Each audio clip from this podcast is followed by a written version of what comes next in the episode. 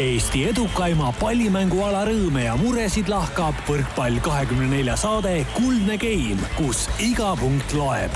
taustajõuna hoiab mängul hoogus ees Kredit kakskümmend neli tere ja toredat märtsikuu viimast päeva, head võrkpallisõbrad. viimasest saatest on möödas täpselt tund aega vähem kui nädal aega, sest pühapäeval keerati kella. ometi on kogu meie saate tavapärane nelik jõudnud õigel ajal õigesse kohta ehk Manta Maja stuudiosse. kuldne Game läheb eetrisse juba oma üheksakümne kaheksanda osaga. stuudios on võtnud istet kenasti veidi pronksise näoilmega Rene ja Andres, tere teile! tere, tere.! Ja kaugelt Araabia maalt ütleme me telefoni teel tere ka Rivo Vesikule. Rivo, mis näoga sina täna oled? tere, väga päevitunud näoga. jah, et äh, seal seda päikest jagub ja selle eest ei küsita ka mingit äh, lisaraha sult? Äh, jah, jagub kõvasti, praegu on ikka väga palavaks läinud, et eile oli siin üle neljakümne juba. põnev. selge, millal siis edasi sõidetakse MK-etapile? Kümnendal aprillil, et me tuleme korra koju ja siis kümnendal aprillil sõidame Mehhikosse kolmeks nädalaks äkki. selge, kas äh, Rene ja Andres ka juba päikest ootavad või on seda päikest juba kevad meile natukene toonud ja on lihtsamaks läinud elu või?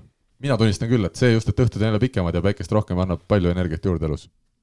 jah, see õhtune, õhtune just äh, valgus on küll see, mis äh, natukene teeb võib-olla meele natuke paremaks, et, äh, et äh, tegelikult on tunda, et tavaliselt see play-off'ide aeg, et see hakkab valgemaks minema, et see on iseenesest tore. Rene, kuidas sul? no tõele au andes, ega seda õhtust valgust nii väga ei näe, sest viiest või kuuest on ikkagi trenn ja kui sa sealt välja astud, siis on juba tegelikult ikka pime küll, et aga, aga ütleme nii, et tõesti siin üle pika-pika aja kogu seda nii-öelda aastaringset ilma nagu näha, pagan, ma ei mäletanud, et see ikka nii tuksis oli see on ikka päris jube. aga vähemalt on nüüd see aeg, kus sa lähed trenni, siis on veel valge no,. muidu jah. oli niimoodi, et läksid trenni, juba oli ammu pime ja mm, -hmm. ja tulid, siis, siis oli sama pime, et polnud vahet, millal läksid või tulid. mul ka Tartust tulin esimest finaalmängult äh, tagasi, siis alguses oli mõte, et jään sinna kuskile ööba, ööbima, aga vaatasin, kõik asjad said tehtud ja väljas oli veel kena valge. tulin Tallinnasse tagasi. selline tore sõnum siia lõppu tänane saate sissejuhatus on meil äh, väga lühikene, sest teemasid on meeletult palju, nii et võtame ette neist esimese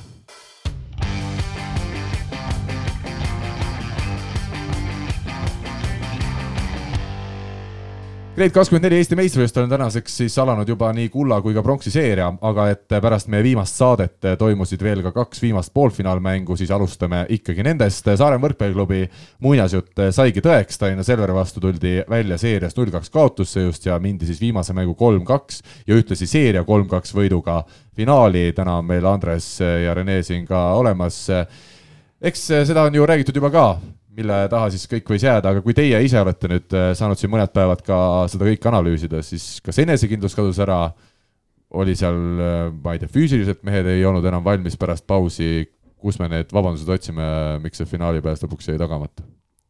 vabandusi nagu väga ei ole mõtet, eks seal oli, riburada pidi tuli niisuguseid äh, natuke ebasoodsaid asju ja ja, ja, ja see võttis ka selle enesekindluse ära, et ähm, et eks mingid järeldused on tehtud, aga võib-olla siin natuke nende järelduste väljaütlemisega võiks natukene siin hoogu maha võtta, et meil on veel, hooaeg pole läbi ja, ja peab siin päris kõvasti võitlema, et, et korralikuma re resultaadiga siin lõpetada, et selles mõttes jah, eks see niisugune süvaanalüüs tuleb natukene hiljem ja, ja võib-olla ka laiemale seltskonnale Rene, kuidas sinul isiklikult oli, äh, kuna sa oled ikkagi selline emotsionaalne mängumees, kes tahab ju kõiki mänge alati võita, siis finaalist väljajäämine kindlasti ei mõjunud sugugi mitte kergelt. Äh, jaa, ega ta ei olnud selles mõttes kindlasti kerge, et äh, aga, aga oli sihuke, sihuke omapärane värk jah, et, et sai, sai tunda seda, mida, mida paljud Poola satsid ja ka mujal on pidanud tundma, see see nii-öelda see koroonapaus jälle noh, isegi selle läbi teinud, aga ütleme natuke teistmoodi oli seekord, et et ikkagi hooajafaas, mida väga nagu ise isiklikult ka ootasid ja kõik noh, loomulikult ootasid, et, et põnev ja just, just nagu läks action'iks ka, et et Saaremaa võitis seal ühe mängu, võttis tagasi ja, ja siis, siis nagu läks, läks seeriaks, et ja siis võeti nagu pulakomm suust välja, et minge nüüd koju kükitama, et, et eks see oli niisugune omapärane ja, ja kindlasti nagu äh, keegi seda ei soovinud ja, ja ja, ja esimene mäng ju selles mõttes ka näitas seda, et et kuidagi see, see rütm ja ikkagi nagu mindset, mis oli juba nagu saavutatud need selleks seeriaks, seda nagu nipsust tagasi kohe ei saanud, et, et aga, aga aga, aga ütleme, paar päeva hiljem juba oli olukord selles mõttes teine, et et, et rütm kui selline olukord nagu oli etem, et, et aga et lõppkokkuvõttes ikkagi ma ütleks nii, et see ei olegi süvaanalüüs ja see ei olegi ikka kriitika kellegi pihta personaalselt, aga, aga kui, kui kui me suudame ära kukkuda vaimselt kaks korda ühe mängu jooksul, siis me ei väärigi finaali minekut, et selles mõttes see, selles osas kindlasti Saaremaa vääris sinna minekut ja, ja see selles mõttes ma ei tea, jaa, loomulikult kahju, aga üldiselt äh, ikkagi nagu verest välja nagu ei löönud, et, et ikkagi ma ei tea, ma isiklikult üritan äh, kaine mõistusega ka, vahest ausalt kaine mõistusega ka asju analüüsida ja selles, selles valguses nagu lihtsalt midagi teha, nii oli, et, et see on, see on sport ja, ja ega siin midagi otsest analüüsida ei olegi, et nüüd me oleme juba pronksi seerias sees, esimene mängki peetud, et siin siin aega ei anta ja, ja, ja tuleb edasi toimetada. ja et ma siin ka sai Gerdiga natukene arutatud siin üks päev ja, ja just peale seda finaali esimest mängu, siis ega ta ka ütles, et et jah, et kolm-null võit, aga äh,, aga, aga oli ka näha, et äh, noh, et kui palju tegelikult on see psühholoogiline ikkagi see mäng, et äh, et seal on üks väike krõps käib ära ja, ja kogu, kogu see nii-öelda kaardimaja kukub kokku, et äh, ja ei, ei saa nagu väga lihtsalt mängu, et nendel oli ka, et esimene game, ega nad ei saanud hästi nagu seal noh, kuni lõpuni on ju, äh, midagi erilist, tuli ikka väike seeria sisse, taga ja rolli eest tulid välja ja oligi nii-öelda Saaremaa jaoks tehtud, et et ega nad ütlesid, ta ütleski seda hästi, et ega peab ise siin kõvasti vaeva nägema, et äh, samasugune asi ei juhtu, et see ei ole üldse ime, kui niisugune asi võibki juhtuda, et selles mõttes äh, jah, sellistes olukordades see läheb, läheb rohkem psühholoogiliseks kui, kui mingiks füüsilise, füüsilise poole peal, jah Rivo, võtame sind ka mängu, no minu jaoks ikkagi, ma usun, keskmise võrkpallisõbra jaoks ja, ja meie kõigi jaoks oli see üllatus, et, et Saaremaa just suutis kolm mängu lõpuks järjest võita, et kui sa vaatad seda sama Selveri meeskonda, seal on Kollod, Raadikud, Teppanid, seal on Orav, kes oli ju mänginud karikafinaalis väga hästi, tundus, et temal ka selliste suurte mängude mängimisega raskust ei ole, aga samas just Orav vajus ju veel kõige rohkem seal poolfinaalseerias lõpuks ära, et et kuidas sulle see poolfinaalseeria kulminatsioon, millise mulje see jättis?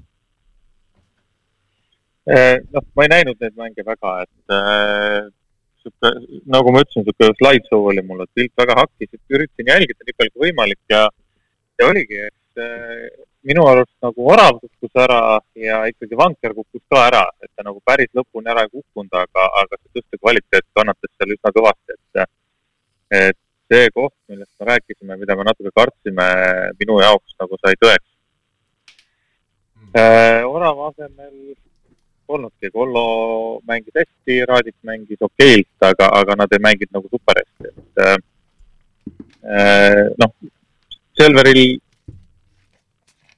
Selver oleks pidanud paremini mängima, seda on, täna on lihtne öelda, et seal juhtus, et seda teavad need kaks meest seal stuudios paremini, kes sinu juures istuvad, aga aga minule jäi, jäi mulje, et oligi just see, et kuna kukkus ära Orav, siis tekkis nagu kerge paanika ja Vanker ei, ei, ei vedanud ikkagi välja seekord aga kas me saame panna siin, ütleme, vankeri äh, taha seda kaotust, ma arvan ikkagi siin on nii palju kogenud mehi, et seal on midagi nagu suuremat või laiemat, mis mina ka ülekandes välja tõin ja, ja mida siin teistega arutades tundus, et, et ei olnud seda just ühtset klappi, nii nagu Saaremaa üha rohkem selles seerias hakkas nagu sümpaatsemana tunduma nii mänguliselt kui ka omavahel, siis teil nagu vastupidi lagunes see omavaheline osa ära, mulle tundus nii, Rene, ma ei, ma saan aru ka, et teil on veel hooaeg käimas ja kõike siin ei saa rääkida välja, aga aga kas te ise ka tundsite, et väljakul ei olnud sellist ühtset võistkonda lõpuks või? no teagi, kas nagu ühtset, aga, aga ütleme jah, see, millega me võib-olla olime hooaja jooksul harjunud, et see kooslus ja kõik see, et võib-olla see selles mõttes jah, ei toiminud nii nagu, nii nagu võib-olla varem, et aga see on ka selles mõttes noh, hooaeg ongi pikk ja, ja siin äh, noh, rääkida karikamängust täna on nagu natuke naljakas, et äh, see oli ikkagi kolm kuud tagasi juba, et äh, see, neil ei ole mingisugust omavahelist seost, et seeria on teistsugune ja karikafinaali üks mäng on teistsugune asi jälle, et et äh, jah, mis, mis ma oskan öelda, ma pigem ütleks nii, et Saaremaa selles mõttes jah, nad olid siin nii-öelda sügavalt pees omadega näiliselt äh, oma rahaasjade ja kõikidega ja mingid mängijad vahetusid, aga ma ütlen ausalt, et äh, ja ma arvan, et keegi ei vaidle vastu ka, et sidemängu osas nad äh, mingil määral kindlasti võitsid, et et see Makedoonia vend on ikkagi läbi tule ja vee käinud ja, ja selles mõttes mingisugused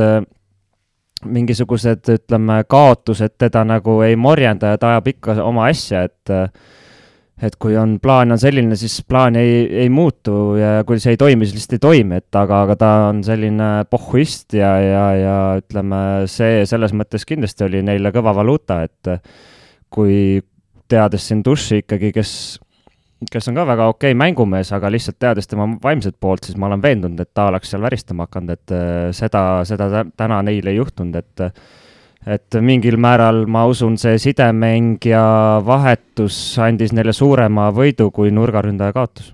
kas äh, olen ma nii ka õigesti aru saanud, et mulle tundub, et Keit Pupart on ka võitnud kõige rohkem sellest Despotovski äh, ütleme siis meeskonna tulekust, sest ühtpidi talle sobib see koostöö Despotovskiga. Ja teisalt mulle tundub, et Pupart on saanud ennast nagu vabamalt või mõnusamalt väljakul tunda, sest ta näeb, et teine selline kõva pullivend on Despotovski kõrval ka seal olemas ja, ja see nagu annab juurde palju ja nii ongi, ega rohkem ei olegi midagi lisada sulle, jah no,. jah, ei on igal juhul. panidki täppi. esimest korda. sa, sa oled võrkpallist hakanud aru saama. täna on äh, tähtede seis muutunud, me, me, ma lihtsalt ütlen vahele, me täna juba Renega olime siin kaks tundi enne saate algust koos, äh, Rene tuli massaažist ja ei olnud mõtet kodust läbi minna ja Rene nägi, et mul ei olnud täna parim päev, nii et Rene lubas mind täna saates hoida seda on rõõm näha, aga ma tooksin siin Saaremaa meeskonna puhul ikkagi Janis Kalmasiidise veel ka peatreenerina välja, et ma usun, et, äh, et see mees nagu väärib veel kord äh, kiitust, äh, kuidas ta selle võistkonna välja sellest kaotusseisust tõi, et seal on peatreener, kes selle lõpuks selle kogu asja ju peab panema mängima ja, ja ju siis ta tegi nii õigeid käike ka mängul, sest mina nüüd taktikaliselt ei oska hinnata, aga, aga no võistkond mängis ikkagi mingit hetkel maru, maru ilusti. ei no selles mõttes loomulikult nad ei hakanud mingit noh, mis nüüd Renks tõigi välja, noh, et nad ei hakanud mingeid müstilisi asju tegema, nad üritasid äh, enda parimaid asju nii kaua teha, kuni, kuni see lõpuks hakkas nagu välja tulema ka.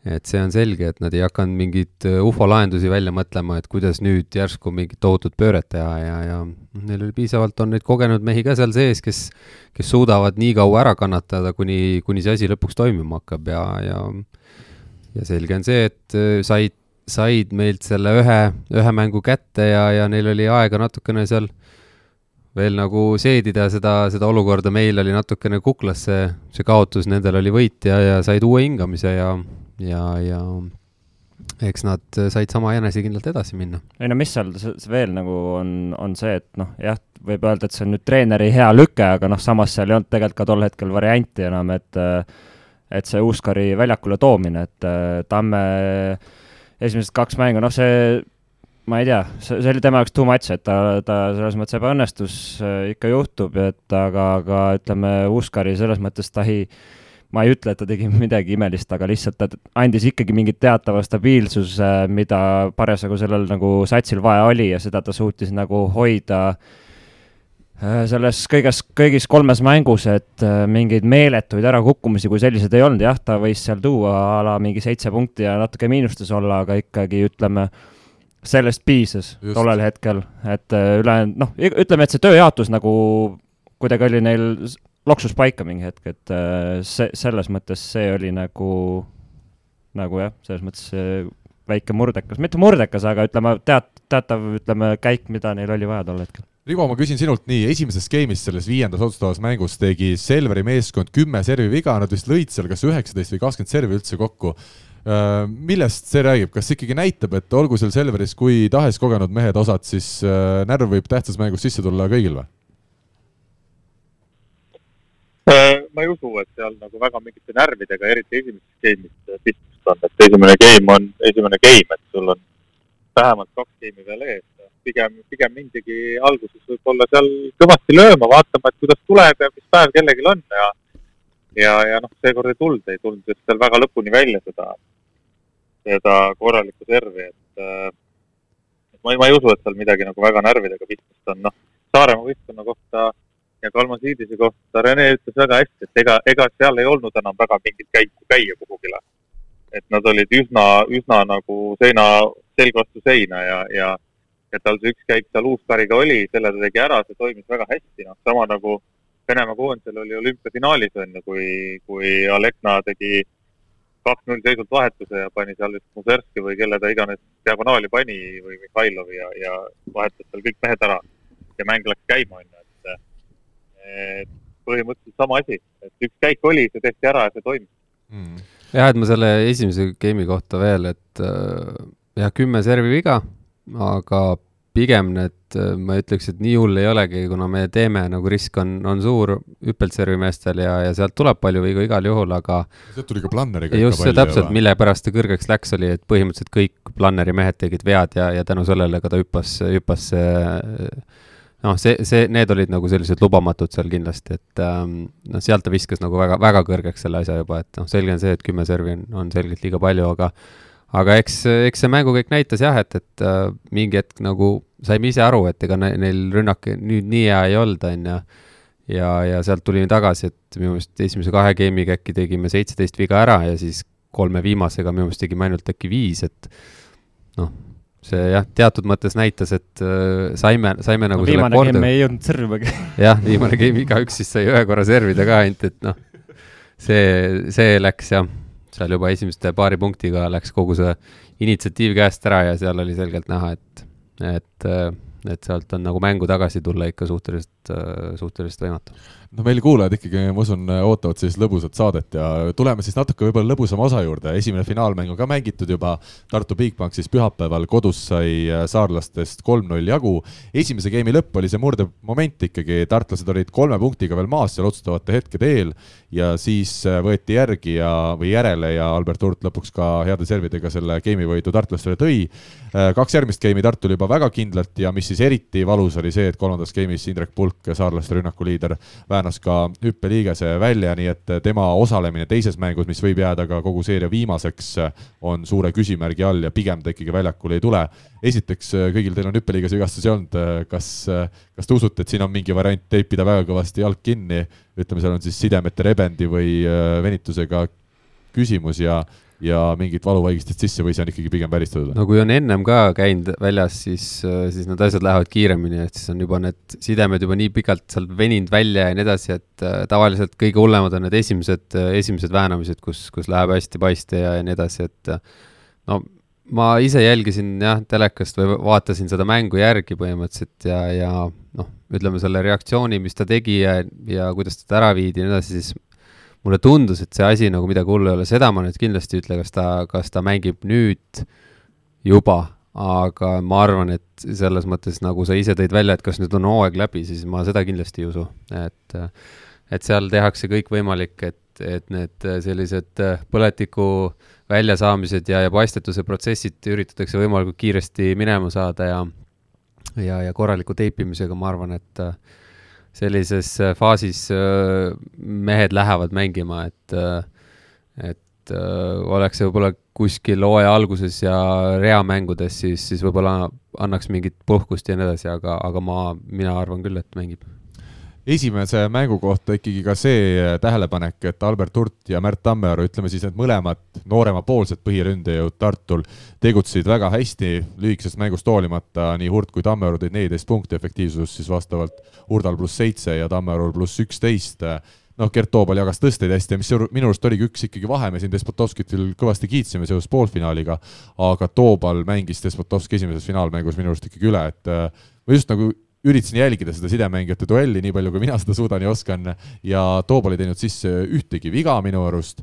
Ja need rünnakud olid ka, või ütleme, tõsted olid suunatud sinna, kus parasjagu oli, oli lihtsam ja, ja ei suutnud ikkagi saarlased kuidagi pidurdada, viiskümmend seitse Tartu rünnakuprotsent, see on ikkagi finaalmängu kohta päris kõrge ju. nojah on jah, mis siin öelda on, Gert ongi Gert ja Gert teebki ka mängijad enda ümber paremaks siin Eesti liigas kindlasti, et siin ei olegi midagi rääkida, et kui serv on, serv on, ütleme, kolme meetri sees, siis, siis ta jaotab selle nii laiali rahulikult, et noh, ongi vastastel keeruline ja siis tekivadki need nii-öelda lahendused, et mis, ei olegi midagi muud rääkida, Gert on Eestis Gert kindlasti, et kogu lugu, noh.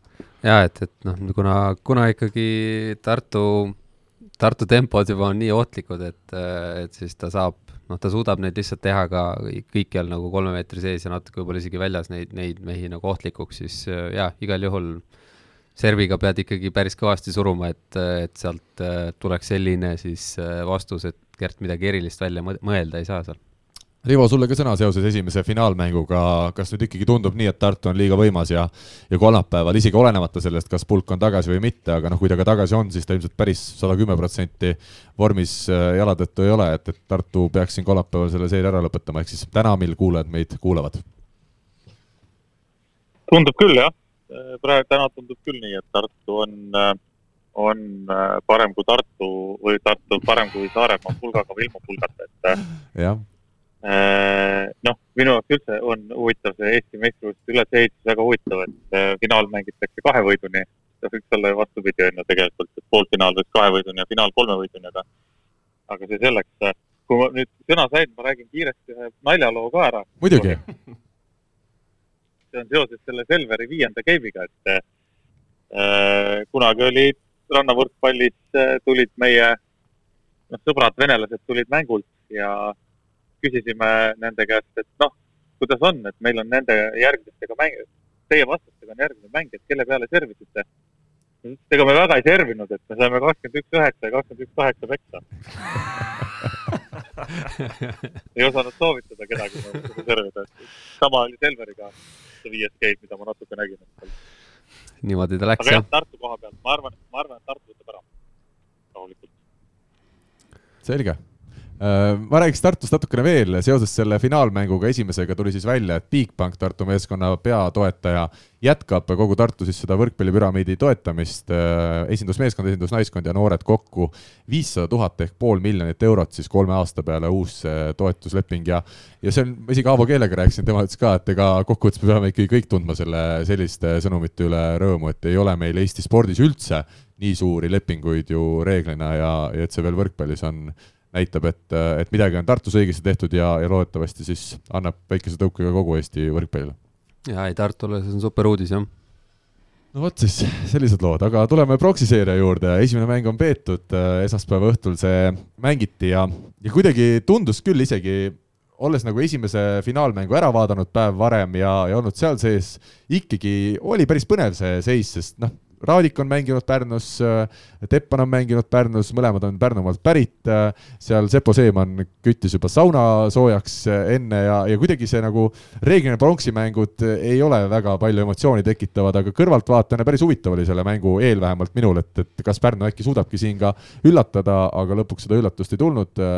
mulle tundus täpselt nii, Andres, et te tegite selles mängus täpselt nii palju, nagu oli vaja, et see võit ära võtta, kas mul jäi õige mulje või? ma arvan, mitte kellelgi nüüd väga niimoodi sees ei ole, et me laseme tiksuda nii kaua ja siis võtame täpselt ära, et no ma arvan, et noh, meeste poolt selles mõttes väga-väga kõva respekt, et no ei olnud kellelgi lihtne, noh, ei, ei olnud kuidagi lihtne sinna, sinna pronksiseeriasse sisse nüüd minna, et pärast sellist, sellist kaotust ja ega trennid. kas te puhanud olite või? vaata, esimene mäng ikkagi Saaremaal oli näha, et nad lagunesid ka selles suhtes ära, et nad ei jõudnud mängida seda kolme geimi. no meil oli jah, üks päev oli nii-öelda vaba nendel, kes mängisid ja, ja need, kes ei mänginud või, või paar tükki veel seal tegid jõusaali sellel hetkel, et aga, aga jah, põhimõtteliselt ega tulime nii-öelda ühe korraliku pallitrenni ja, ja siis noh, hommikuse niisuguse väikse puute pealt tulime, aga aga ei, selles mõttes seal,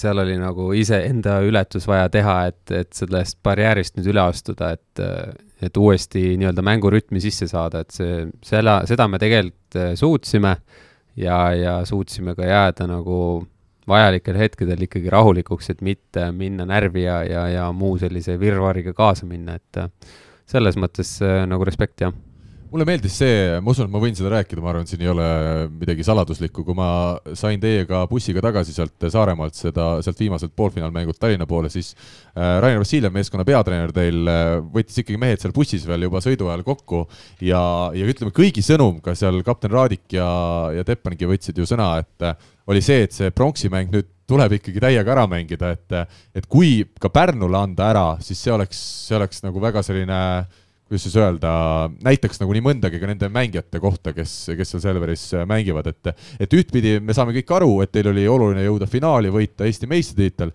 samas äh, on see nagu teistmoodi ikkagi selline oskus või näitaja, et nüüd pronksiseerias peab see Pärnu ära tulema, et seal ei, ei ole nagu libis, libistamis- või ütleme siis ärakukkumise ruumi enam absoluutselt, Rene, oled sa nõus minuga? no jaa, töö on töö. Palk tuleb palju teenida, jah no täpselt, ei, mis seal ikka jah, kes on, ma räägin, see on sport ja, ja, ja ma ei tea, võib-olla siis ikkagi juba pikemalt mänginud ja, ja kogemusi on igasuguseid, et et õige, õige mees ikkagi tõuseb jalule ja elu selles mõttes läheb edasi, et, et loomulikult ega noh, selles mõttes ei tule kõne allagi, et me nüüd, jaa, me kaotasime ja nüüd on mast maas ja peab, peidame pea mulla alla ja, ja ja, ja nüüd, nüüd ongi kogu, kogu asi läbi, et äh, jaa, okei okay,, on, on valus, aga on teatud põhjused, miks nii läks ja, ja üks, üks tiitel on esiteks medalid, pluss veel üks tiitel on mängida, et selles mõttes hooaeg ju ei, ei lõppenud ära, et, et äh, elu, elu pidigi edasi minema ja, ja selles mõttes ka, et ma arvan, me võime enam-vähem rahule jääda selle eilse nii-öelda äh, reaktsiooniga, mis me, mis me väljakule selles mõttes tõime peale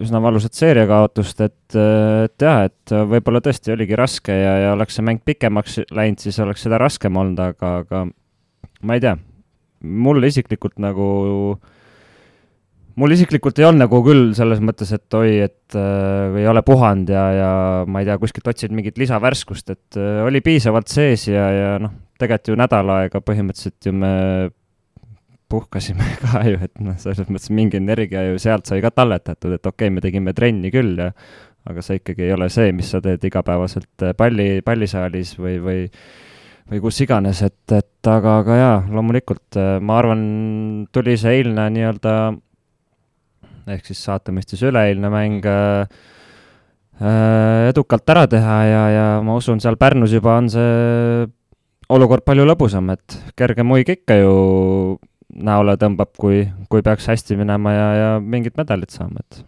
äh, Rivo, ma tulen veel sinu juurde ka, kuna me räägime siin ka sinu endisest äh, siis koduklubist ja, ja kodulinnast äh, Pärnust. mis natukene mind ikkagi üllatas veel, oli see, et äh, ei olnud Pärnul, mulle tundus, et, et äkki Pärnu, kui nad tuleks väga sedasi äh, hammas verel emotsiooniga peale, et siis äkki emotsiooniga suudaks selle Selveri maha võtta, aga no ju siis seda kvaliteeti ka nii palju ei ole, et see, et see üldse võimalik oleks, aga samas ikkagi nagu ka oli seal näha meeste nägudest, et, et ei ole neil seda sise, sellist head keemiat tänavusel hooajal, et et nad nagu üksteist utsitaks ja, ja toetaks, pigem on väga väga lihtsalt see lipp langeb mastist, aga, aga noh, see on jälle seesama asi, et kui mäng ei toimi, et ega siis vist ongi keeruline seda emotsiooni nii väga luua no vaatame järgmist mängu, et me oleme sellest rääkinud enne, et ega Pärnul ei ole terve see hooaeg ei ole minu arust olnud sellist, sellist uh, hurraad, et vähemalt peale seda uut aastat on ju, et enne veel seal mingisuguseid mänge oli, kus oli emotsiooni ka, aga, aga peale uut aastat minu arust on Pärnu pannud täpselt ühe emotsionaalse fooni pealt ja, ja kui siis üldse on nagu langenud allapoole. et seda mängu ma nägin vähe rohkem, seda kolmanda koha mängu ja noh, seal minu arust juba mehed esimese game'i keskel põhimõtteliselt oli näha, umbes löödi käega, et tükki sest, et läheb, siis läheb mm. -hmm. pigem on jäänud mulje, et oodatakse nagu hooaja lõppu, kui seda, et minna nüüd võitlema mingite medalite pärast äh,. aga noh, eks järgmine mäng jälle näitab, et, et võib-olla saavad kurjaks enda peale ja, ja panevad vähe juurde, seal võib muidugi olla ka see, et, et ei olegi selliseid mehi võistkonnas, mida ma ei tahaks muidugi uskuda, et aga, aga praegu on küll jäänud selline mulje, et Pärnu Pärnu laseb selle, on, on oma neljanda kohaga rahul ja laseb hooaja lihtsalt lõpuni jah, mulle just täpselt samamoodi tundus, nagu sa ütlesid, et neil on justkui selline juba emotsioon sees, et, et tahaks, et see hooaeg vaikselt läbi saaks ja, ja saaks muude tegemistega edasi minna. aga ega neil nüüd kerge ei saa olema Grade kakskümmend neli meistriliiga ehk siis Balti liiga äh, veerandfinaalis, kus äh, võib juhtuda nii, siin viimasest mängust veel kõik on lahtine, lätlased mängivad leedukatega, aga et Tartu mängib Pärnuga veerandfinaalis ja no täna Tartul ei tohiks küll olla Pärnuga probleemi, et, et see Pärnu hooaeg võibki saada päris sellise kiire ja, ja kahvatu lõppu. Ja üldse huvitav, kui Silver Maar ikkagi plaanib järgmisel aastal äh, või soovib minna välismaale mängima, Taavet Lepik juba eelmisel suvel äh, plaanis, ütleme üldse karjääri lõpetada, kuigi ka seda ei tea, loodetavasti ta otsustab veel jätkata, aga et mis sellest Pärnu meeskonnast äh, saab, seda, seda saab olema huvitav jälgida aga võtame siia lõppu veel ühe lühikese sõnumi, TalTech, kes siis valistumas oma veerandfinaalseeriaks Balti liigas äh, Tallinna Selveriga on jäänud oma põhisidemängijast ilma, Aleksander Eerma siis äh, vigastas treeningul kämbla luud, äh, üks luu seal läks katki ja tema hooaeg on lõppenud, nii et võib öelda, et TalTechil läks endisest veelgi keerulisemaks siin see hooaja siis ütleme, viimased mängud, aga jah, vaata selle sidemängijate kohta, vaata Rivo siin tõi välja selle just, et Pärnu Äh, see nii-öelda siis, äh, miks nad äh, loobusid ja siis sa tõid välja, et me, meie mäng oleks ka, et, et seal ongi see vahe praegult, et Saaremaa ju jäi samamoodi isolatsiooni. ja, ja ma toon selle kohta veel näite, et kui meil oli Niko siin väljas kõhutõvega, siis ei olnudki midagi teha, nagu nali naljaks, mul oli, mina tegin soojenduse mm. kaasa ja, ja tõstsin, et, et kui Renetiga olekski midagi juhtunud, siis oleks, oleksin, oleksin selle mängu ära mänginud, et et selles mõttes sidemängijatega üldjuhul väga palju midagi ei juhtu. ja, ja tegelikult no ütleme, väga harva on sidemängijaid kolm võistkonnas, et TalTechil isegi praegult on nimekirjas kolm, kolm meest, aga tundub, et praegult on kaks tükki, kaks tükki vist on katki isegi, et et selles mõttes jah, selle, selle näite juurde ma, ma tean, et Rivo, sa küsisid, et miks, miks ära jäeti, vaata, et, et aga see, see, see viga oligi nii-öelda jah, Rivo on rahul, ma usun, ja meil on aeg võtta tänases saates ette järgmine teema.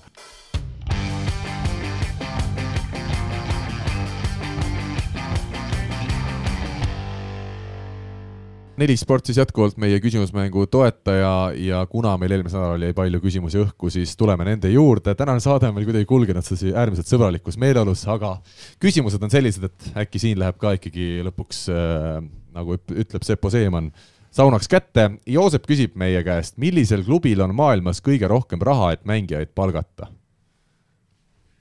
see on mõni Venemaa klubi või see ikkagi Itaalia hiidudest? ei ole äh,.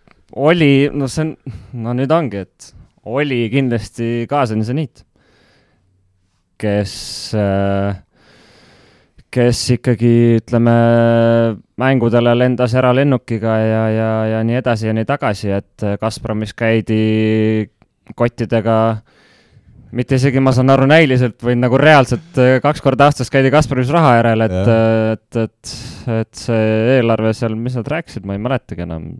Ühesõnaga, nii palju kui vaja oli, noh. nii oligi, et, et võrkpallis selles mõttes me ei pea hullu ajama, et seal sadat miljonit ei ole vaja, on ju, et äh, saab ka kindlasti väiksema summaga hakkama, aga, aga nüüd äh, ju äh, teadupärast äh, Gazprom kolis oma peakorteri Peterburi, et, äh, et, et tõi Sammelvoole kogu raha? Jah, et äh, ka Peterburi seniidil on nii palju nüüd pappi ilmselt, kui vaja on, et ega see eelmise aasta mängija Egor Kljuka väljaostmine miljon eurot näitab, näitab seda, et ma arvan, et see on lemb-kumb jah, need kaks oota, aga ühesõnaga Kaasanile jäi nagu Gazprom ikkagi selja taha? Nüüd ta on mõlema siis äh, nii Kaasani kui Peterburi seniidi toetaja? just, just, just. selge äh,. ja nad ei pidanud äh, seda nii-öelda jagama kahe peale? jah, vaid pigem anti juurde? pigem juurde. pigem juurde. ja Itaalia omad ei saa isegi vastu? Lube? Lube, ei, ei, ei, seal me räägime ikkagi mingisugusest, ma arvan kuus miljonit umbes, midagi niisugust. aga põhjus, miks nad saavad ikkagi venelast hästi vastu ja saavad ka häid mehi komplekteeritud või, või võistkonda toodud, on see, et Itaaliast on niivõrd palju, ütleme, meelepärasem mängupäik siis võrkpallurite jaoks? see on üks asi, teine asi on ju välismängijate piirangu arv mm., mis Venemaal on kaks, Itaalias on neli, et et Po-, Poola, selles mõttes mõtlesin ka siin vahepeal, et kuidas Poola saaks nagu ka Itaaliale näiteks kandade peale astuda äh, siis, siis noh, oligi see, et võib-olla võiks pooleks ka kolme pealt nelja peale tõsta, aga noh, suurt pointi nagu sellel ei olnud, sest neil oli nii palju oma, omi mängijaid, häid mängijaid, ja noh, täna me näeme kõik, et ei ole, ei olnudki vaja seda teha, et nüüd, nüüd on noh. Saksa on jah, kui oleks olnud ilmselt see legionäride number suurem, siis ilmselt meil ei oleks täna sellist äh, poolakatest ikkagi põhi, põhiliselt koosnevat Saksat, eks ma usun küll, jah. Läheme teise küsimuse juurde ja Joosep jätkab siis ja küsib seekord ilmselt pigem Rivo käest, miks pole rannavõrkpallis klubisid, kus saaks näiteks kaks eri rahvusest mängijat koos mängida? Äh, kas pole huvi või pole raha, minu arust see on väga hea küsimus, mis siin, mis mind ennastki on paelunud, aga sellest vist siin saates me kunagi rääkinud ei ole, nii et Rivo, äh, sõna sulle nüüd. ma vastan kõigepealt eelmisele küsimusele ka, et ja. Äh, kindlasti on Venemaa klubidel kõige rohkem raha. iseasi küsimus on see, palju sealt võrkpalli jõuab meil on ikka kõvasti seal igasuguseid asju, aga jah, et eh, mingi osa kaob lihtsalt kuhugile ära, et eh, ja see, miks ei ole rannavõrkpallis klubisid, rannavõrkpallis on täitsa klubid olemas, aga rahvusvahelist klubi tuur, klubide tuuri ei ole kui sellist. ja näiteks Türgis on siiamaani toimib äh, Türgi rannavõrkpalliliiga, samamoodi noh, nagu, nagu Eestis on saaliliiga või see teraseliiga, mis see aasta tegime, onju. ja seal võib olla, võistkonnas võib olla üks välismaalane ja nad saavad palka, et lätlased seal, Toks mängis seal, Plavins mängis seal, sakslased on seal mänginud. et need, need on olemas tegelikult, aga, aga nendest nagu väga ei räägita, nad on üsna siuksed väiksed. aga rahvusvahelist äh, klubiturniire ei ole, sellepärast neid ilmselt ka ei ole ja täna esindab ikkagi esindab ikkagi võistkond, esindab riiki veel. kuigi see, see mõte on laua peal olnud, et selle, selle peale on mõeldud, et teha, teha see klubide teema umbes selline nagu Continental Cupi taoline asi, et sul on klubis on kaks naiste ja kaks meestepaari ja siis nad käivad mängimas kuskil mingisuguseid turniire, on ju. meie klubi esipaar teise klubi teise paari vastu ja siis äh, nii edasi, nii edasi, nii edasi, aga, aga asjani pole veel jõutud, et, et praegu on see praegu on see maailma rannavõrkpall on ka jäänud üheksakümne kaheksandast aastast sama koha peale põhimõtteliselt toppama, et et kõigepealt peaks nagu selle käima saama ja siis selle, selle klubide teema edasi, noh. eks ta raha taha jääb, ma arvan. aga Rivo, kas see on üldse hea mõte, et need klubid äh, peaksid tulema, et äh, võib-olla see ongi ju ideaalne, et on, on riikide kaupa, ega me ei ütle, et siin klubid äh, oleks parem lahendus või variant? ei, kindlasti, kindlasti ei ütleks, et klubid oleks parem lahendus samas kui ta, kui täna on, on maailmakarika etappe põhimõtteliselt ikkagi ütleme märtsist kuni septembrini on ju, siis ta täidab äh, ära selle niinimetatud, enamus aastast täidab ära, et vana, kunagi oli see probleem, et neid etappe oli nii palju lihtsalt vähe. et oleks saanud teha rahulikult, noh, ma arvan, et kui praegu teha kuskil mingi klubide teema, et siis ta jälle hakkaks nagu kattuma maailmakarika etappidega täna, et siis, siis seda asja peaks ajama nii, et paljudes riikides on see klubide asi ja siis teha kas siis nagu samamoodi nagu on Champions League on ju klubidele. et see, see teema tuleks läbi mõelda, et ta iseenesest võiks olla üsna atraktiivne asi, aga, aga ta tahab raha ja ta tahab nagu organiseerimist ja hetkel ma ei näe seda asutust või seda mingisugust alaliitu, kes sellega tegeleks ja kokkuvõttes oleks vist väga suur muudatus ka selles suhtes, et kui meil on ikkagi suuremad võistlused täna ka rannavõrkpallis olümpiamängud, maailmameistrivõistlused, et kui me läheks mingile klubisüsteemile üle, siis peaks ju hoopis teise süsteemi tegema kõrval ikkagi, kus me selgitaks välja ka sinna tiitlivõistlustele pääsejaid, nii et eh, see on vist ka üks asi, miks seda on päris keeruline läbi viia, Rivo.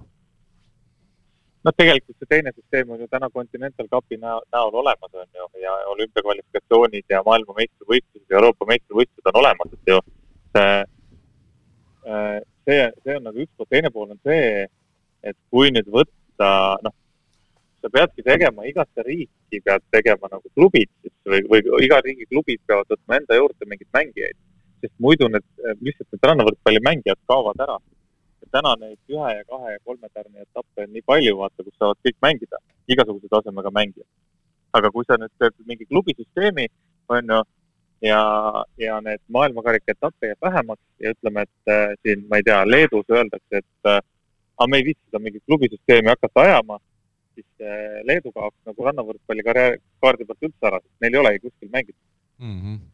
aga lihtsalt ma mõtlen ka seda. see on et... ka nagu see pool sa ütled küll, et siin on olemas need Continental Cupid ja nii edasi, aga aga sel juhul, kui meil oleks nii-öelda aastaringselt mängiksid klubid ehk siis erinevate riikide mängijad omavahel koos näiteks, siis Continentalile ju tuleks hakata eraldi trenni tegema, sest sul on seal oma riigi paariline ja see ajaks ikkagi päris keeruliseks kogu selle asja. saalivõrk, saalivõrkpallis sa teed ju täpselt samamoodi, saalivõrkpallis täpselt samamoodi kas siis ju Eesti koondis tuleb ka peale hooaega kokku ja hakkab valmistuma mingisugusteks turniirideks, et seal ei ole vahet, ma arvan okay.. ei ole vahet, sa pead lihtsalt äh, leidma mängijad, kes omavahel mängivad ja kes on nõus mängima, kes tahavad mängida ja siis mängivad.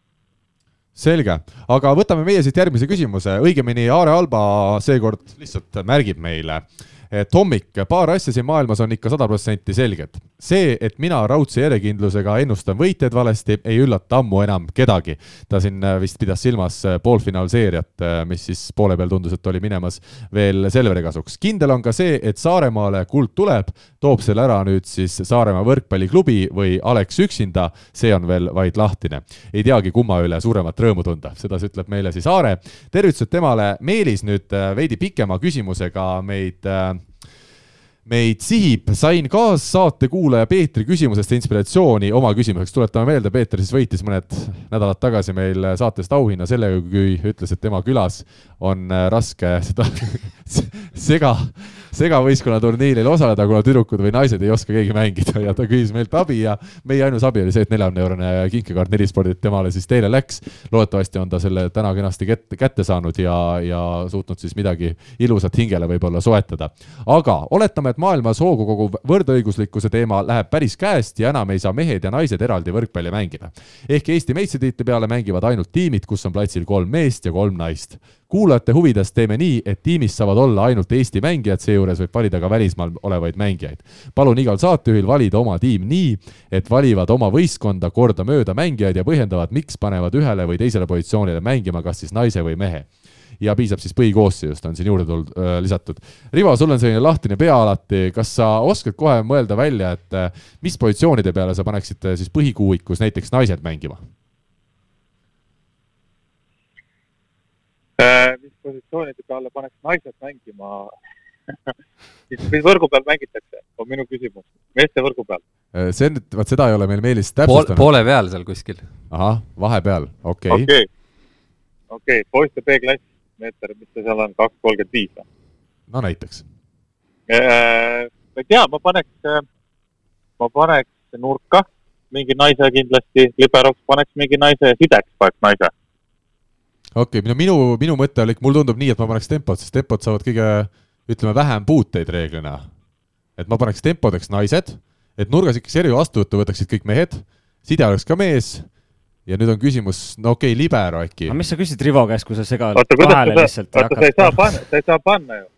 sa ei saa panna, Karl, sa ei saa panna, kui pooleks peavad olema mehed-naised. no ütleme, ongi kaks temporündajat. kaks tempot ja libero ja, ja siis on, ja siis on nurgas on mehed, nii siis ongi sul kaks tempot ja libero on, on kolm naist.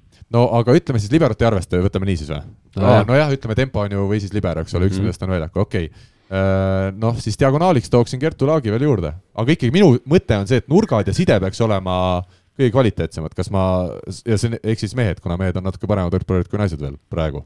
kas see nagu idee ma arvan, et see mäng oleks suht sihuke veider nagunii, et siis seda küll mm, nojah, seal mingit väga kiirust väga taga ajada ei ole võib-olla. aga nurka ei paneks ju naist nurk saab kõige rohkem tööd ju.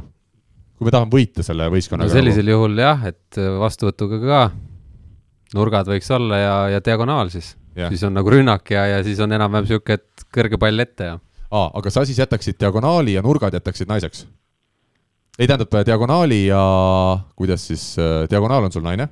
ei. Äh, mees aa, ühesõnaga, sul on kaks nurka ainult ja side, side ja tempod ja siis noh, peab olema libero ka. just Äh, see tundub sul, no siin on küsimus, kas siis äh, ma ei kujuta ette, see, see on nagu lihtsalt mingi jah, et kas panna side või diagonaal, ühesõnaga äh, mees või naine, see on meil see põhiküsimus, et me oleme kõik vist nõus, et nurgaründajad võiksid no, olla ma arvan, et kui sul on sidemängija mees ja siis sa hakkad seal mingit kiir-, no meil, siis sul ei ole nagu erilist pointi mm., ma arvan.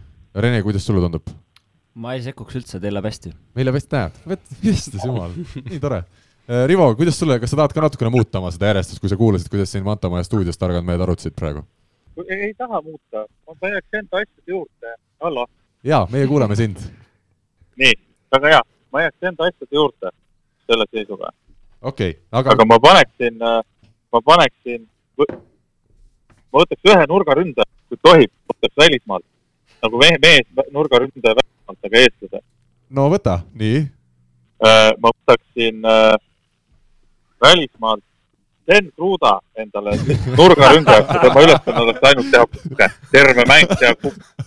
iga punkt, nii kui keegi punkte saab, ta teeb ainult kukke. nüüd peab selgitama tal ei ole mitte mingit muud ülesannet. nüüd peab selgitama ka, et. vaadake võrkpall kakskümmend neli, vaadake kõik võrkpall kakskümmend lehe, neli lehekülje uudiseid ja siis te saate aru, mis ma mõtlen, see on minu arust üks väga geniaalne asi jah, et, et me Selveris võiksime kogu aeg teha seda ju.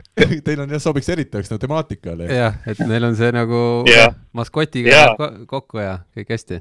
väga hea, siis on maskott kogu aeg väljakul, aga ühesõnaga. ja selle, see, ma arvan, et, ma arvan, et tuleb uus, uus väljend võrkpallis, kukke tegema ehk siis juubeldamise asemel tuleb väljend, tegi kukke. kas Rene, sina võtad ka oma repertuaari, kui sihuke väga ilus punkt tuleb? Ei no ütleme nii, et esiteks ei võta ja kui ma näen, et keegi teeb, saab peksa ka, ma arvan, see on ikka ajuvaba noh. kuule, kus see mõistuse piir läheb selle koha peal, kas see oli ikkagi ebasportlik käitumine, kas päris sellist tähistamist nagu ei, ei peaks tegema üks võrkpallur pärast ploki saamist, seal oli juba, kusjuures mõlemad võistkonnad olid enne seda saanud ühe hoiatuse eh, selle eest, et nad olid teisel poole võrku pärast punktivõitu vaadanud sedasi kriitilise pilguga. kus see piir läheb, ma ei tea, Andres, kas sina ütled, seda on nagu liiga palju või? Kui kogu aeg pärast iga punkti tuleks niisugune asi, siis muidu oleks nagu juba natuke mingi muu spordi ala. ma ei oska jah kommenteerida, et mis hetkel või millal sa teed seda ja, ja olete näinud midagi sellist või? ei ole. mitte kunagi, mina ka mitte? ei ole. Rivo, sa oled kogu maailmas käinud, kas rannavõrkpallis keegi teeb kukke äh,? väga vähe väga harva, kahjuks tehakse kukke väga harva. aga ma arvan, et seal oligi see teema, et ju seal oli mingisugune äh, miks see kaart tuli, et seal oli, ilmselt oli mingi asi all ja siis ta kuidagi nagu provotseeris seda, noh äh,. kindlasti kõik teate sellist mängijat nagu Spiridonov on ju. tema on ikka pannud igasuguseid juubeldamisi, et, äh, et noh, neid ikka tehakse, aga ikka üsna, üsna harva, jah nii et Venemaa koondisega teie nüüd ei võta kaua seda kuke tegemist või, või tegite täna hommikul Olegi ja Slavaga juba läbi selle? meile, meil on see, kui, kui ikka öeldakse kellelegi petuh, siis on väga halvasti see läheb ikka üle igasuguste piiride, seal, seal võib äh, piirduda nii punase kaardi kui ka sinise silmaga see asi või lõppeda. Selge, aga kas me saame ühe võistkonnaga kokku pandud, ütleme, Meelis siin küll palus meil kõigil teha oma võistkond, aga aga äkki siis äh, jätame Rivo hetkel kõrvale, las tal olla see oma Kruda tiim ja proovime siin kolmekesi äkki kokku ajada midagi. kui me võtamegi, et meil on siis äh, mõlemad temporündajad ja üks libero naine ja pluss on meil siis äh, sidemängija naine, ma saan aru, et me nii, leppisime. kuule, aga, aga paneme siis Eesti koondise, segakoondisena no.. nelja peale kokku ja, ja pakume kõik öö, äh, oma need inimesed. no nii. ma võtan suve vabaks, ma ütlen kohe ära mind ei saa valida isegi, kui tahaks. no jah jah, no hakkame pihta no,. Robile siis. meeldib siukseid mingeid imelikke turniire mängida, pane, pange tema sinna sisse. ja naised talle ka meeldivad. no tempodes, kui naised on, siis äh, Kullergan ja, ja siis näiteks Hollas Hollas on praegu väga heas vormis veel, jah. see, no nii, see on meil paigas siis ütleme, ja Liis pole ka palju Prantsusmaal mängida saanud, ma arvan, tal oleks päris hea, saaks siin vahelduseks ka suures rollis olla. siis on meil, ütleme naistest, siis võtame selle sidemängija kohe ära või? nojah, ega meil väga palju variante ei ole Läheb Julia? Läheb jah. Julia Mõnnakmäe seekord siis ja siis meil on äh, libero naistest, no Kristin Õllak, siin ei ole ka küsimust ja nurgaründajad siis lisaks Robile, no Martti Juhk on ära teeninud selle hooaja põhjal, kuigi võime, võime ka siia mingi niisuguse teise, teistel põhjustel valida. ma arvan, et Marti ka ei ole siuk-, siukse, ma ei tea, kas ta on kunagi mänginud, aga mina oskaks siuksele alale väga kõva mehe, kes Nii. meeldib ka igast veidraid asju mängida, on Karli Allik, kes ma ei tea, minu meelest kõikidel suve mingitel üritustel osa võtab, võib-olla oskab mängida ka.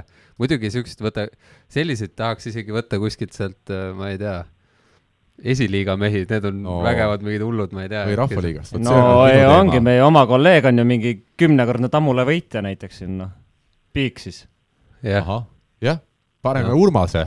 paneme Urmase, jah. paneme Urmas Piigi, tervitused siis temale, küll jõuab, ja neil on, meil on siis puudu diagonaalründaja veel ja Teppan ei lähe.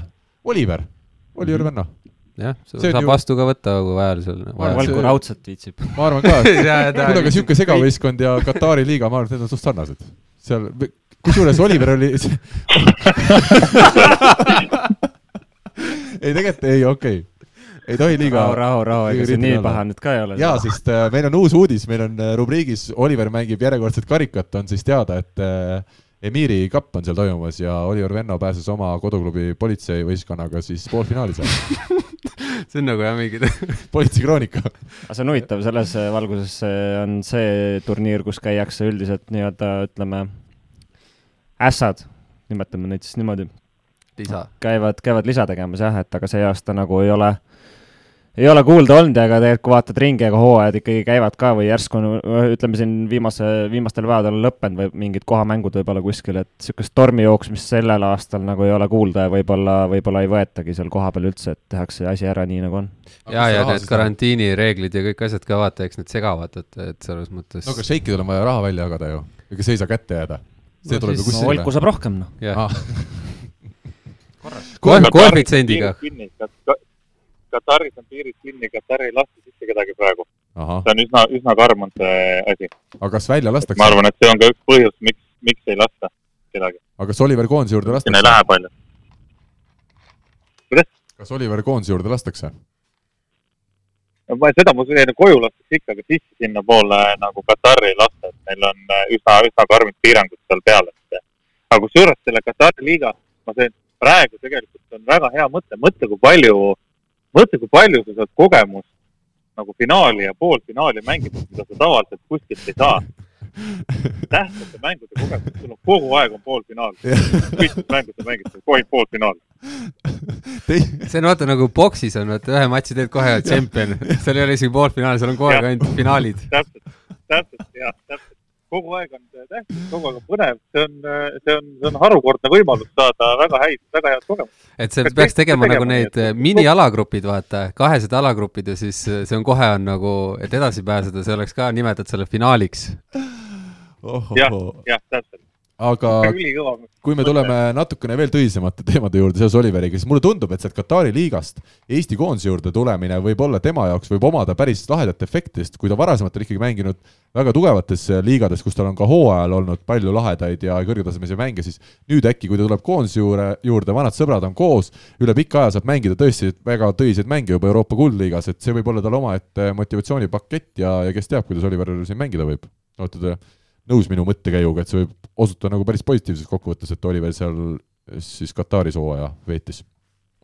ma ei, jah, see, me sest Oliver on ikka Oliver, ega tal tase ei ole langenud, sellepärast et ta on ei, ei, ma ei usu ka, et see, ma olen varasemalt rääkinud äh, mingite tegelastega, kelle ütleme, Serbia koondisel olen käinud ja mänginud kuskil Hiinas, et äh, et, et kaks nädalat võib-olla on vähe kohanemist, et ploki tase on ikkagi kõvasti kõrgem ja nii edasi, et, et aga eks siis läheb ikka kõik vanaviisi, et et ju ega ta tööd seal saab palju ja selles mõttes ta on soojas, et et ma, ma ka üldse ei karda, et ta kuidagi alavormis oleks või, või midagi oleks teistmoodi, et, et aga, aga noh, pigem jah, huvitav oleks ikkagi jälle see, no see suvi selles mõttes mitte ei kripelda mul, aga see oli, lahe mälestus oli sellest, kuidas, kuidas me tookord selle Kuldiga võitsime, see, kui, kui ta nurka pani, et see, see on jälle niisugune asi, mida miskipärast ei ole pärast proovitud ja, ja kuidagi ikkagi, ma ei tea, võiks veel kaaluda või mõelda selle peale, et see see kuidagi minu arust andis päris huvitava efekti Eesti koondisele ja, ja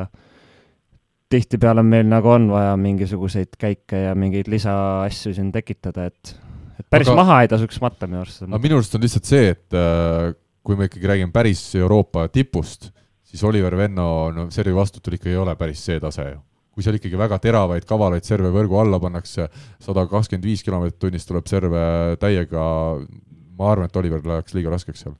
no selles mõttes natukene paned, ma arvan, üle, et äh, jah, võib-olla top kuus satsid Euroopas tõesti on äh, võib-olla liiast, aga, aga ma arvan, ülejäänud, noh, see on, meil oli ju Belgia alagrupis või keegi, et ega ei jäänud hätta ju selles mõttes, et ega fookus on teine ja, ja ega tal seda levelit on ju ja antud on palju, et, et ma, ma ei usu, et ta hätta et igal juhul, kui sul tuleb sada kakskümmend viis kilti tunnis, siis see on niisugune kaitsemäng lihtsalt, et nii et ega seal ei ole jah, kui võib-olla võetakse mingi muude servidega natuke vahele, aga, aga mingid võib-olla päris pombasid, võib-olla isegi tal oma pohhuismiga mängiks isegi võib-olla päris hästi ülesse ja eks tekib küsimus jälle siin just suve esimeses pooles võib-olla, kui meil Robit ei pruugi olla kohe, kui meil Martti Juhkamit ei pruugi olla, et see võiks tulla kõne alla. Rivo, mis sina sellest ideest arvad?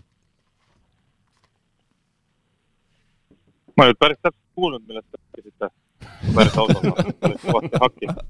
meil on täna tõesti natuke see, ei ole päris hea see ühendus, aga, aga jutt oli sellest, et kas Oliveri võiks äkki sel kevadel, kui võib-olla ei ole Robit ja võib-olla ei ole meil Juhkamit koondises kohe, et siis võiks äkki teda nurgas äh, proovida või, uuesti äh,? miks mitte jah, noh see, see ütleme, et ega see kevad ei ole nüüd kõige tähtsam et sügis on äh, meil täna tähtsam, et äh, et muidugi võib, seal võib igasuguseid asju proovida ja, ja täna on meil nurgarüttajaid noori siin äh, Albert Urda näol ja Oliver Orava näol ja Tamme Aru ja, ja neid on siin küll ja küll, kes äh, võivad mängida kevadel ja kuldliigat ja kõiki asju, et äh, peaasi, et need mehed oleks sügisel vormis mm. -hmm ütleme siis nii palju ära ka, et Eesti koondise nimekiri tuleb välja homme ehk neljapäeval ja tegelikult siis Eesti meedia juba teisipäeval vist õhtupoole peaks saama need nimed teada, aga et see avalikuks tuleb lõpuks siis äh, neljapäeval, mil äh, Cedric Genard on juba ka oma kommentaarid juurde ajakirjanikele saanud siis äh, videosilla vahel edastada, aga järgmine küsimus äh, Robin küsib, koroonaaeg on toonud Eestisse palju uusi spordipodcast'e, milliseid ise kõige rohkem kuulate, kui üldse seda teha jõuate, millised on teid, millised kõige rohkem teid paeluvad? Ja palun pange siis paremus järjestusse, lähtudes humoorikusest ja professionaalsusest. ja järgnevad podcast'id. Mängumehed, Kuldne Game, Pikk ette ise järele, staadionijutud, Betsafe'i podcast'id ja muud laivid. ohohoo. Äh, jätaks kuldse game'i välja siit, ma arvan.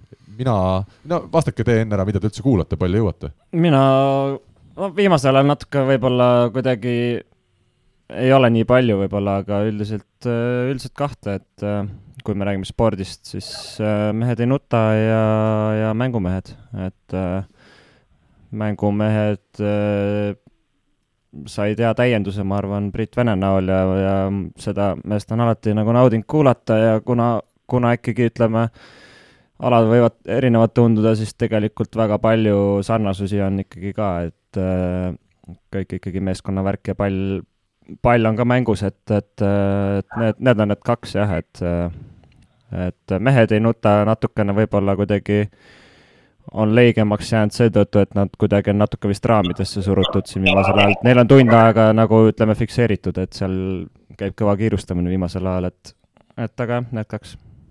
minu arust, äh, kas, kui mehed ei nuta, siis räägitakse võrkpallist kas sa siis paned kinni korraks selle, mis nad räägivad, sest minu arust ikkagi reeglina nad võrkpallist on nii kaugel, noh, Tarmo Paju minu arust jagab ikkagi, ütleme, ta on iga teema juures suhteliselt niisugune mõistlik, aga, aga Jaani ja, ja Peebu jutt võib ikka kohati minna täitsa metsa, kui nad ei ole päris kursis asjast. nojah, nii on, et, et äh, kinni ei pane, aga lihtsalt ega ei saa, sa ei, sa ei saa võtta ju ütleme arvamust tõsiselt, kui, kui sa teadki, et ütleme, see pädevus ei ole piisavalt äh, kõrge leveliga, et, et selles mõttes võrkpallialaselt üldse ma arvan, et neid inimesi näiteks minu enda puhul, kelle ütlust ma võiks hinge võtta või kes, mis mul üldse korda läheb, tegelikult neid arvam-, arvamusi või ütleme, neid inimesi, kes seda võiks teha, on väga-väga-väga-väga vähe, et et selles mõttes kindlasti iga, igasugu müra ei saa kindlasti ka tähele panna, jah. Rivo, võtame sinu vahele, milliseid, kas ja milliseid podcast'e sina üldse jõuad kuulata? Äh, ma ei, ma ei kuule üldse spordipodcast'e mitte ühtegi, mitte, mitte ühtegi spordipodcast'i ei kuula. viimasel ajal vähemalt ei ole, enne ma kuulasin äh, Mängumehi ja sedasama, seda Mehed ei nuta, aga ma arvan, et nüüd uuest aastast saadik ei ole ühtegi kuulanud. Andres, sulle ka vahepeal. Teie seda lalinat vahepeal, teie lalinat vahepeal olen kuulanud et kui sind ei ole saates, siis sa nimetad meie saadet lalinaks.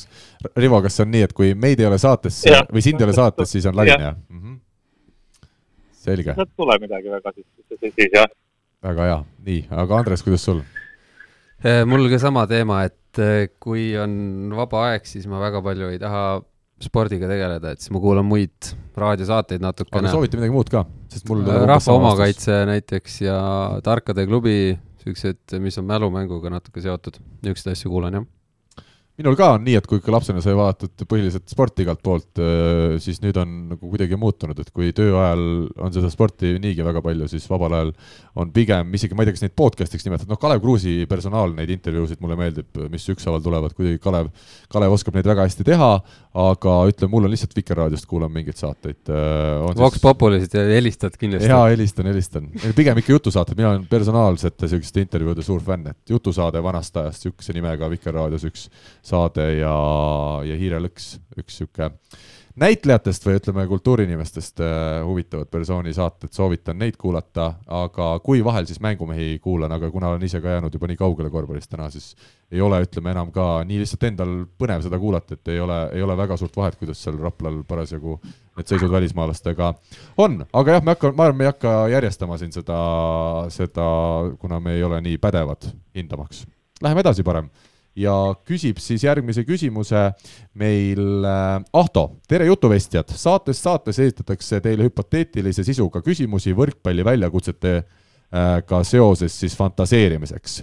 mis oleks, kui mõni väljakutse liiguks paberilt praktikasse ja ei läheks järjekordset vett vedama, vaid maanduks jalad liivas, näiteks Teras Beachi rannavõrkpalliväljakul. saatetegijad kõik pensioniea kohaselt noored, kiired ja vihased ning kuna võrkpall pole just kümnevõistlus, siis küsin, millised seni esitatud väljakutsed võiksid jõuda kohandatud kujul videoülekande formaadis podcasti ja kas sellest võiks tekkida teatav väljakutsete lisarubriik saatesse. liberod versus tempod versus diagonaalid, Grand Old Men versus äh, Newbies, Kais Tiisar versus Vesik Nõlvak ja nii edasi. tsirkust ja leiba soovib meile siis Ahto.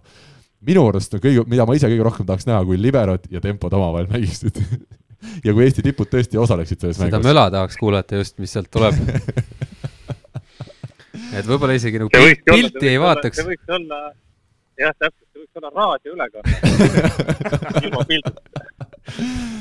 ja kõigil on mikrofonid peal. jah, no kõige äratehtavam on see mäng äh, meie omavahel siin. jah. see on kindlasti kõige tehtavam, et Aga- millal seda ei tea küll, aga, aga ja võib-olla siis, kui hakkad planeerima, siis tuleb välja, et ei olegi nii tehtav, aga tundub kõige reaalsem, ütleme siis. Jah. ma arvan ka, jaa. Ja selle me võiks tõesti suvel võtta ette ja meil on väike nagu selline eelkokkulepe tehtud, et kui nüüd peaks kõik olema korras ja, ja mingi auk tekib, siis eh, üks mäng teha poolteist tundi ära või no tegelikult me Renega võtame selle poolteist võidu, tundi või? ma arvan, et me Renega võtame selle võidu neljakümne minutiga kuskil. kuigi Rene on jätkuvalt pigem vastasvõistkonna poolt. nelikümmend, Karl, Karl, kulla sõber, sa vist ikka ei tea sellest rannavõrkpallist suurt midagi, nelikümmend minutit on väga pikk mäng, on küll, jah. väga pikk ja pingeline mäng, see on kolm, kaks, üks mäng kindlasti kohe. No jaa, aga kui oleks öeldud kahekümne minutiga, nagu meie Steniga teid võtsime, kakskümmend oot-oot-oot-oot-oot-oot, Rivo, Rivo, Rivo, me peame üle vaatama, see on ikka selgelt pikem mäng. aga no meil on seal vahepeal ka sellised show osad, kus äh, noh, tassime Renega puuse. terve see mäng, terve see mäng on üks suur show osa. no seda küll jah, seda küll jah, aga ei, me teeme ikka pika mängu, me oleme ju selles suhtes, me teame, kuidas show'd pead tegema, me ei saa teha kahekümne minutilist mängu. see, Rivo, sa saad aru, sa pead ikkagi natukene mõtlema ei vaatajate peale. me peame eetri aja, eetri aja täis mängima. reklaamipausid on nii pikad vahepeal. aga jah, selle me võiks ära teha, aga muus osas meil väga, väga ei ole siin äh, noh, ma ei kujuta ette, kuidas me kõik Eesti temporündajad ja liberad samal ajal saali toome. jaa, aga meie mängu puhul on ka ikkagi vaja see mängupaik leida, et ei ole siin midagi, et läheme rival koduväljaku eelised ja asjad, et kuskil Ei. tuleb mingi neutraalne pind leida. Uus väljak ehitada, ma arvan. Võrus võiks teha, Tammula ääres. selle turniiri raames. Teise päeva hommikul. ma olen nõus, ma olen, Rene, ma olen nõus, me peame tegema väljasõidu.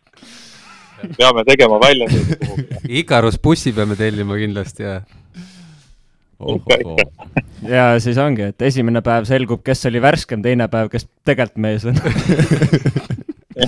tervitused kõigile nendele, kes Tammula vanakese turniiril on osalenud, mina ei ole, aga ma olen ka kursis, kuidas seal turniiri süsteem jutumärkides siis äh, välja näeb ja kes mis päeval parasjagu värske reeglina on. Aga läheme edasi, siin tuleb nüüd väga hea küsimus, Rivo, ma tean, et sa pead vist varsti ära minema, lausa geniaalne küsimus, ma olen siin kirja pannud.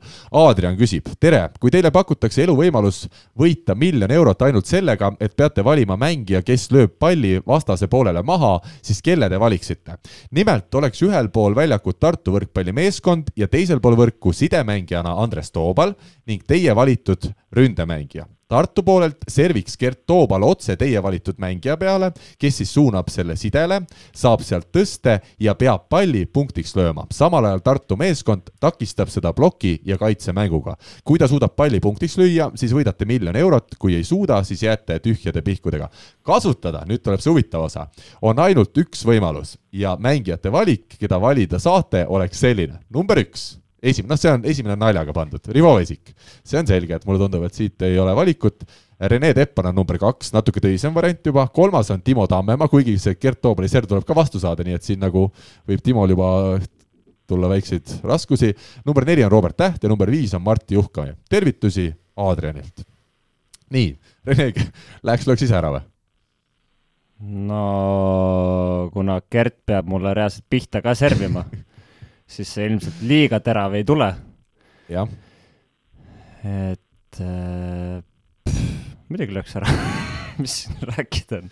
nii, Rivo, kelle sina valiksid? Rivo Vesik, Rene Teppan, Timo Tammemaa, Robert Täht või Martti Juhkami? Äh, mul on täpsustavad küsimused, kas terve, terve väljaku peal peab vastu võtma või, äh, või, või siis servitakse enam-vähem pihta mingisse sektorisse? servitakse enam-vähem pihta sulle, Rivo. nii palju Gert Toobal sind ikkagi austab Come on, ma läheks nüüd ise ära. aga Kerkit, seal on vastastel on plokk ka ees ju, sa seda ei, sul see ei tulnud meelde praegu? no ma oleks, ma oleks blocked out'i. Blocked out. kas sa küsiks, kas sa küsiks Andreselt äh, temposse tõsta või sa läheks nurgast peale? või hoopis võtaks tagaliinist no, äkki? Andres paneb, Andres paneb nurka kõrge ja siis sealt lükkad välja kätest rahulikult. ahah, väga lihtne. võrgu peale ka ja siis. ma läheks ise, jah, täpselt, pane mulle võrgu peale sinna. aga kui ei löö ära, Rivo, kas siis on Andres süüdi? Ei no miks süüdi, keegi ei ole süüdi, ennem ei ole, ei olnud miljonit, nüüd ei ole miljonit, elu läheb edasi nii, Andres, kellele sa tahaksid siis selle miljoni eurose tõste anda? ma ega mujal ei oska tõsta, ma tõstan selja taha ehk siis Teppan või uh,? või jah. siis Juhkami? ei, ma arvan, Teppanile, jah mm. -hmm. ja jagate, kuidas see miljoni jagamine käib? pooleks, keskelt pooleks keskelt pooleks, see on üks suur ma võtan selle esimese viissada või selle esimese poole siis niimoodi ja, ja siis kuidas, Rivo, sina jagaksid miljoni, kui sa saaksid äh, selle siis tehtud, olete, mina küll ei kujuta ette, kuidas sa kolmesest Tartu plokist mööda ennast mängid, aga, aga ma saan aru, sul on endal see selge. Äh, mina teeks, Karl, selle asja niimoodi, kõigepealt on ju. nii? Äh, mina läheks, mina, ma läheks kõigepealt ründama, lööks palli maha ja siis see on juba enne kokku lepitud, et kõik Tartu mehed saavad midagi, saab Side midagi, siis saab mina midagi. kõik võidavad. ja lõpuks teeksid kukke ka või? ega siis, kuidas, ja teeks kukke peale kaks ringi. ega siis elus ei pea kõike jõuga tegema, võtab võistlusega ka ja rahaga. see on ilusasti öeldud väga hea, me saime siit väga ammendava vastuse, ma arvan, nii et läheme edasi. järgmise küsimuse küsib siis Aare meilt, kuulasin Kossu podcast'i ja sealt äh, tema see küsimus siis tuli, ta ütleb meile, kui korvpallis on nii-öelda viimase viske mehi, siis kas sama on ka võrkpallis, et on teatud head mehed, kes alati matšpalli suudavad maha lüüa. minu arust vist võrkpallis päris selliseid mehi ei ole, Rivo, esiteks küsin sinu käest. Äh, võrkpall on natukene vist mitmekülgsem mäng, et kui, kui sa vastane liiga hästi teab, kuhu sa viimase tõsta annad, siis äh, see ei pruugi toimida. Mul tuleb üks nimi praegu meelde, Sokolov. Sokolov. ma ei tea, miks. ma ei tea, miks. nii, vaatame, kas Rene on nõus meiega.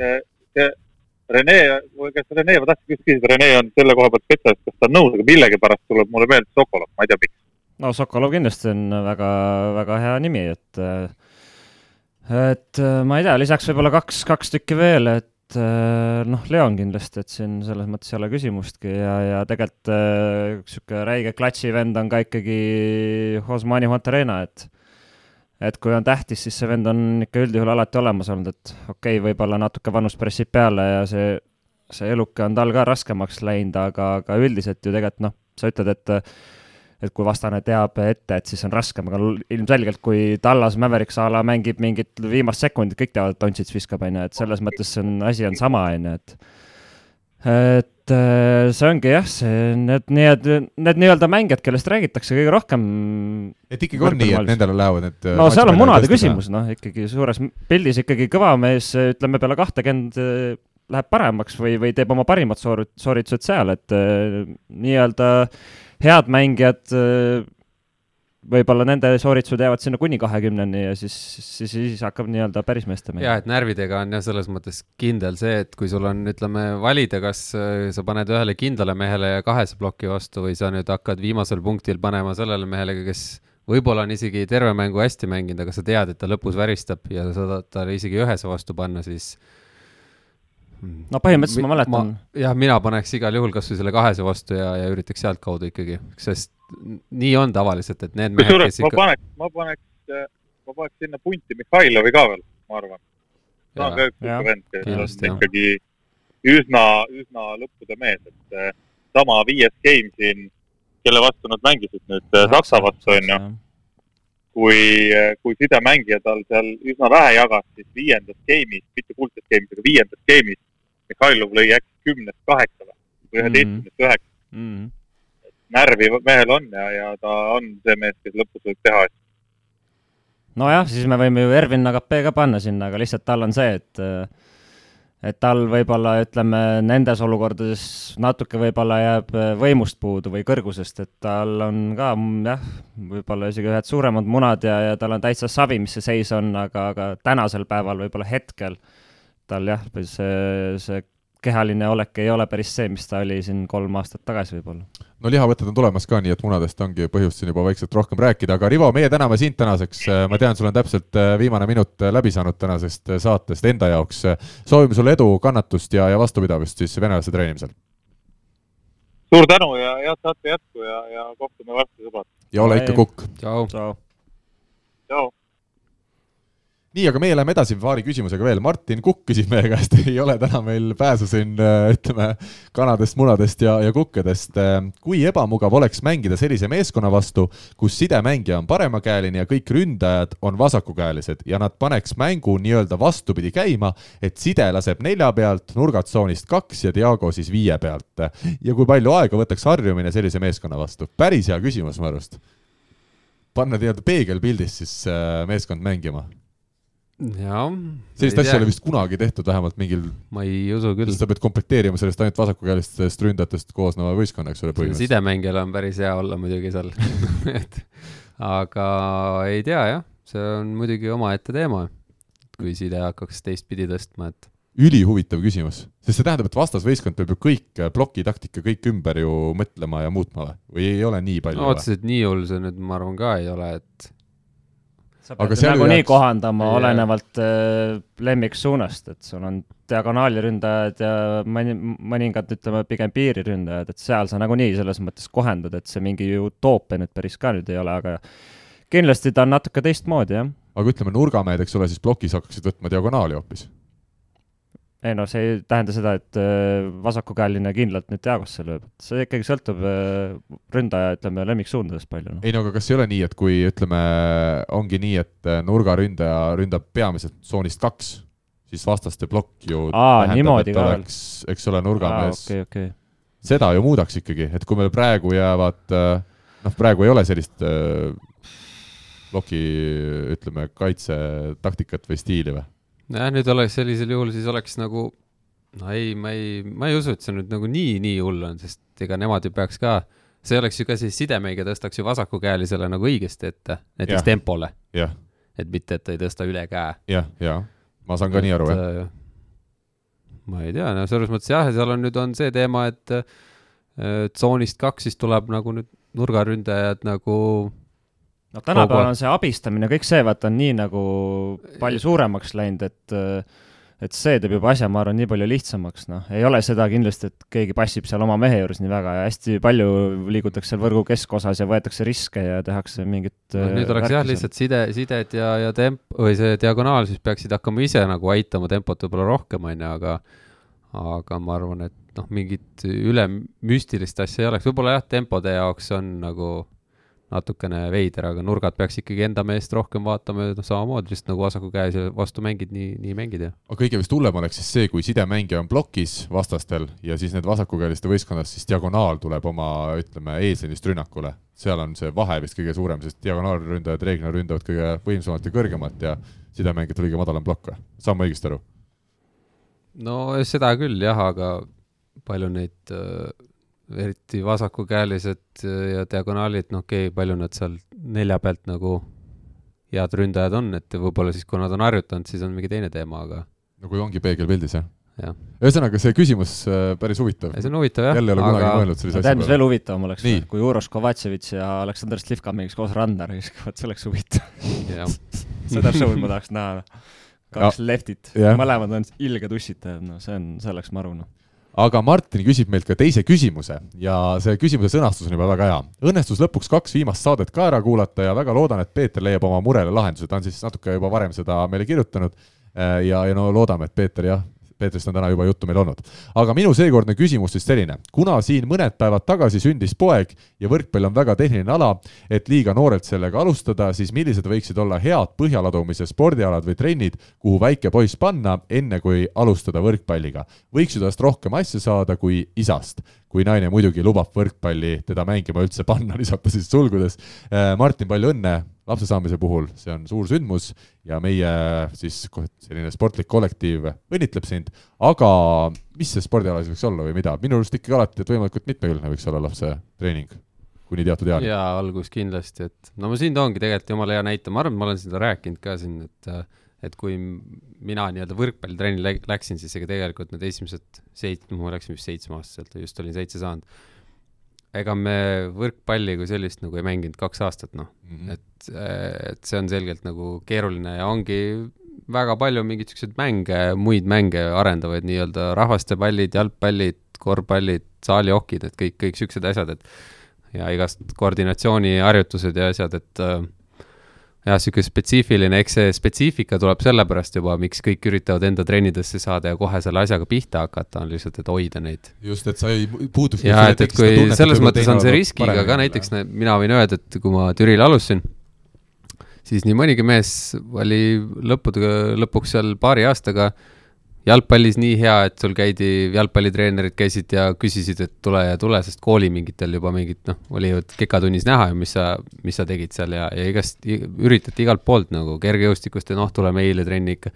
sest kõik olid nagu kõike teinud ja, ja juba nagu koordinatsioonid olid, asjad olid nagu erinevalt nagu arenenud juba, et, et nii-öelda mitmes suunas. et see oli see, niisugune riskikoht, kus nagu väga vabalt võis mingeid inimesi väga kiiresti minna sealt võrkpallitrenni juurest ära nagu spetsiifilisemate asjade juurde, aga aga üleüldises mõttes need, kes jäid, ma arvan, nendel oli kõigile kasulik minul ka kergejõustikutreeningud olid väga mitmekülgsed noorena, samamoodi me ei hüpanud ainult kaugust ja teivast seal esimeses teises klassis, kaugeltki sellest. Ja ja ütleme, kuigi siin küsimus puudutas seda, et kuidas siis võib-olla lõpuks võrkpallur võiks tulla, siis mina võin küll öelda, et tänu sellele just, et sai kõigi aladega tegeleda, on sul ka hilisemas elus nagu lihtsam, et ükskõik, mis spordiala keegi kutsub tegema, saad alati kaasa lüüa ja ütleme, alati kõigist ei peagi tulema lõpuks mingit tippsportlast, kuigi nooruses võib-olla tõsiselt sellega tegeletakse. no väga lihtne noh. Kõigepealt lähed tantsima, puusad lahti, siis lähed kergejõustikku, kiirus ja plahvatus ja siis lõpetad pinksiga, tõmbad ranna ka käima ja oled valmis. Aga see ta-, tantsu asi on tegelikult on jõhker ikka, on, on noh. selles mõttes äh, seda ma arvan, et kõik lapsed võiks korralikult panna kusjuures tegin kergejõustikusaadet Rein Sokuga ja tema ütles, et kui Erki Nool oli äh, noor veel, väikene, ütleme seal siis teismeeas, siis neil olidki tema siis vist läbi surutud treeningud, olid aeroobikatreeningud, millest teised treenerid nagu aru ei saanud, mis see on. aga Rein Sokk ütles, et äh, Rein siis oligi Erki Noole treener pikki aastaid, et äh, tänu sellele tuli selline taktitunne, mis ja rütmitunne, mis on tegelikult väga paljudel spordialadel väga oluline, et kuigi teised vaatasid nagu imelikult, mis te teete seda, tema ütles, et temal oli koht olemas ja võib-olla tänu sellele Erki mingeid asju tunnetas hiljem paremini. jah, kasvõi ma ütlen mingid rahvatantsud ja asjad tegelikult on nagu noh, hoopis teistmoodi, jalgade normaalne liikumine ja kõik siuksed asjad, et ei, see igasse suunda erinevad asjad, et see, see kõik on tegelikult kasulik. kuigi vahepeal on jälle see, et ega mina ka mäletan, kui ma koolis käisin ja väikses klassis olin, ei tahtnud ma minna ei peotantsutrenni, ei rahvatantsutrenni, aga noh, tänasel päeval, kui sa oled täiskasvanud saanud, on see päris nagu vahva. jaa, aga sellisel ajal nagu see tundubki, eks see on mingi vanemate poolt natuke võib-olla mingi peale surutud ja üleüldine võib-olla ühiskonna sihuke, see aeg eriti veel nagu oli kuidagi sihuke foon, et no mis asja kes see mees siis tantsib, on ju, aga tegelikult lõppkokkuvõttes need on väga kasulikud asjad ja olgem ausad, kui kuskil on vaja lõpuks mingi korralik tants maha panna, siis oled nagu, seisad ja ei oska midagi teha, et nii on nii on, aga kuna meil on veel täna saates üks osa ees ootamas, siis valime välja siis seekordset, seekordsetest küsimustest parima või ütleme ühe lihtsalt, mis meile võib-olla meeldis, enim raha, millisel klubil on, küsis Joosep, rannavoole klubide kohta küsis Joosep, siis meil küsis mehed-naised koos tiimis Meelis, siis meil oli järgmine asi miljoniväärine löök Adrianilt, mida võiks siis, Ahto küsis siin ühe küsimuse mida võiks äh, ära teha nendest, mis me oleme siin äh, saates üles visanud, need äh, mõtted podcast'ide kohta küsis Robin ja viimase löögi meeste kohta Aare ja Martinil siis need viimased küsimused siin olid veel ka, kas on siin üks lemmik meil, Andresel ja Reneel seal nendest küsimustest? noh, selles mõttes oli äge küsimus, on ju, Martini poolt siin, et mm -hmm. see just see vasakukäeliste asi, aga ta on vist saanud juba midagi, on või? kas Martin on saanud või? vist on äkki jah jah, ärme siis, Martin sai lapse ka, liiga palju ei saa veel. jah, liiga, liiga hästi ei saa ka minna nüüd jah, sest nelispordis äh, jah, selles mõttes äh, igal juhul need olid ägedad küsimused ja, ja nii edasi, aga noh, me tea-, me teame teda ka natukene, et mm. siis äh,, siis võiks mõne sealt kellegi teise võtta no aga võtame, mis meil oli, äh, hea küsimus oli Rannavalle klubide kohta minu arust, kuna seda ei ole. jah, see on selles mõttes väga, väga okei okay küsimus. no aga saadame Joosepile, minu arust Joosep on ka meil tubli noor võrkpallur, äh, isegi kas Eesti, äkki Eesti noortekoondises ju mängib, nii et äh, Joosepile palju õnne, neljakümne eurone, vabandust, mitte neljakümne eurone, ma panen jälle mööda. Grade kakskümmend neli meistriga pusa on meil siis seekord välja anda, kuna meil eelmises saates läks see nelispordi kinkekaart, siis seekord on meil Grade kakskümmend neli meistriga pusa. õiges suuruses saab selle Joosepile toimetada, nii et Joosep, me võtame sinuga ühendust, palju õnne sulle ja meie siit läheme siis juba järgmise teema juurde. milles case? kui otsid telefonile kaitseklaase, ümbriseid, laadijaid ja muid tarvikuid ning vajad esimese tempo kombel kiiret kättetoimetamist, siis mine vaata www.case.ee seda rubriiki alustame siis naiste võrkpalliga ja naiste meistriliigas Tallinna Tehnikaülikool Treidhouse alistas kolmel korral Eesti meistrivõistluste poolfinaalis Audentese spordigümnaasium noortekoondis ja läheb finaalis siis püüdma klubi ajaloo esimest meistritiitlit. palju õnne Marko Metile ja tema naiskonnale. aga teises poolfinaalis on siis kõik veel lahtine ja kõik selgub täna õhtul, kolmapäeval, mil te meid kuulate, head võrkpallisõbrad, sest Võru Famila võrkpalliklubi on ikkagi teinud imelise tagasituleku, ütleme, saaremaaliku tagasituleku. null kaks oldi seerias Tartu Ülikool Bigbanki vastu taga ja kolmandas mängus oldi ka null kaks veel võõrsil taga, aga võideti see kolmas mäng, võideti neljas mäng veel üks-kaks kaotusseisust ja nüüd siis viies mäng on meid ees ootamas ja Andres, minul on ikkagi äärmiselt hea meel selle üle, kes seda mängu veavad. Mari-Liis Graumann, kolmekümne kaheksa aastane, meie siis endine tippmängija ja Eliise Hollas, kes veel täna Eesti koondises mängib, kahekümne seitsme aastane naine on väga tublisti Raivo Jeenasele, ütleme siis heameelt valmistanud siin võrkpalliväljakul. jah, et järjekordselt me siin arvasime, et jube hästi kõik on teada, Tartu läheb edasi. edasi, no nagu ikka, aga äh, ühtepidi jah, tore, ma ütlen samamoodi, et ühtepidi väga tore, et äh, needsamad äh, naised seal neid äh,, seda võistkonda edasi viivad, aga, aga noh, Tartule nüüd natukene siin nii-öelda võib siis natukene puid ka panna, et äh, et ma just arvasin, et ka kui Kiisk sinna juurde tuli, et siis äh,, siis nendel läheb nagu kuidagi lihtsamaks ja, ja saavad, saavad sealt üle, et äh, vähe lihtsamini aga tundub, et no nüüd ei ole enam midagi lihtsat ja, ja. no ma usun, siin võib hakata jälle seesama asi mõjutama, et äh, see enesekindlus, mis nüüd noortel naistel on kadunud, kas see kolme, viiendaks mänguks leitakse üles? ja, et vaatame nüüd, kas nad kuulavad seda saadet ka kolmapäeva hommikul enne mängu kõik koos äh, seal raadios, kui sõidavad Võru poole ei no,, neil on mäng ju Neil Tartus. on mäng vist jah. siis ei ole kuhugi sõita äkki ei kuula, äkki ei kuula. aga, aga väga huvitav jah, ma natukene siin rääkisin äh, Gert jälle siin ütles, et ta mingit osa sellest ühest mängust natuke nägi ka, et siis ta ütles ka, et no huvitavaid asju oli seal, aga need las olla. aga sellest mängust niisugused mõned seigad, aga, aga iseenesest ju põnev.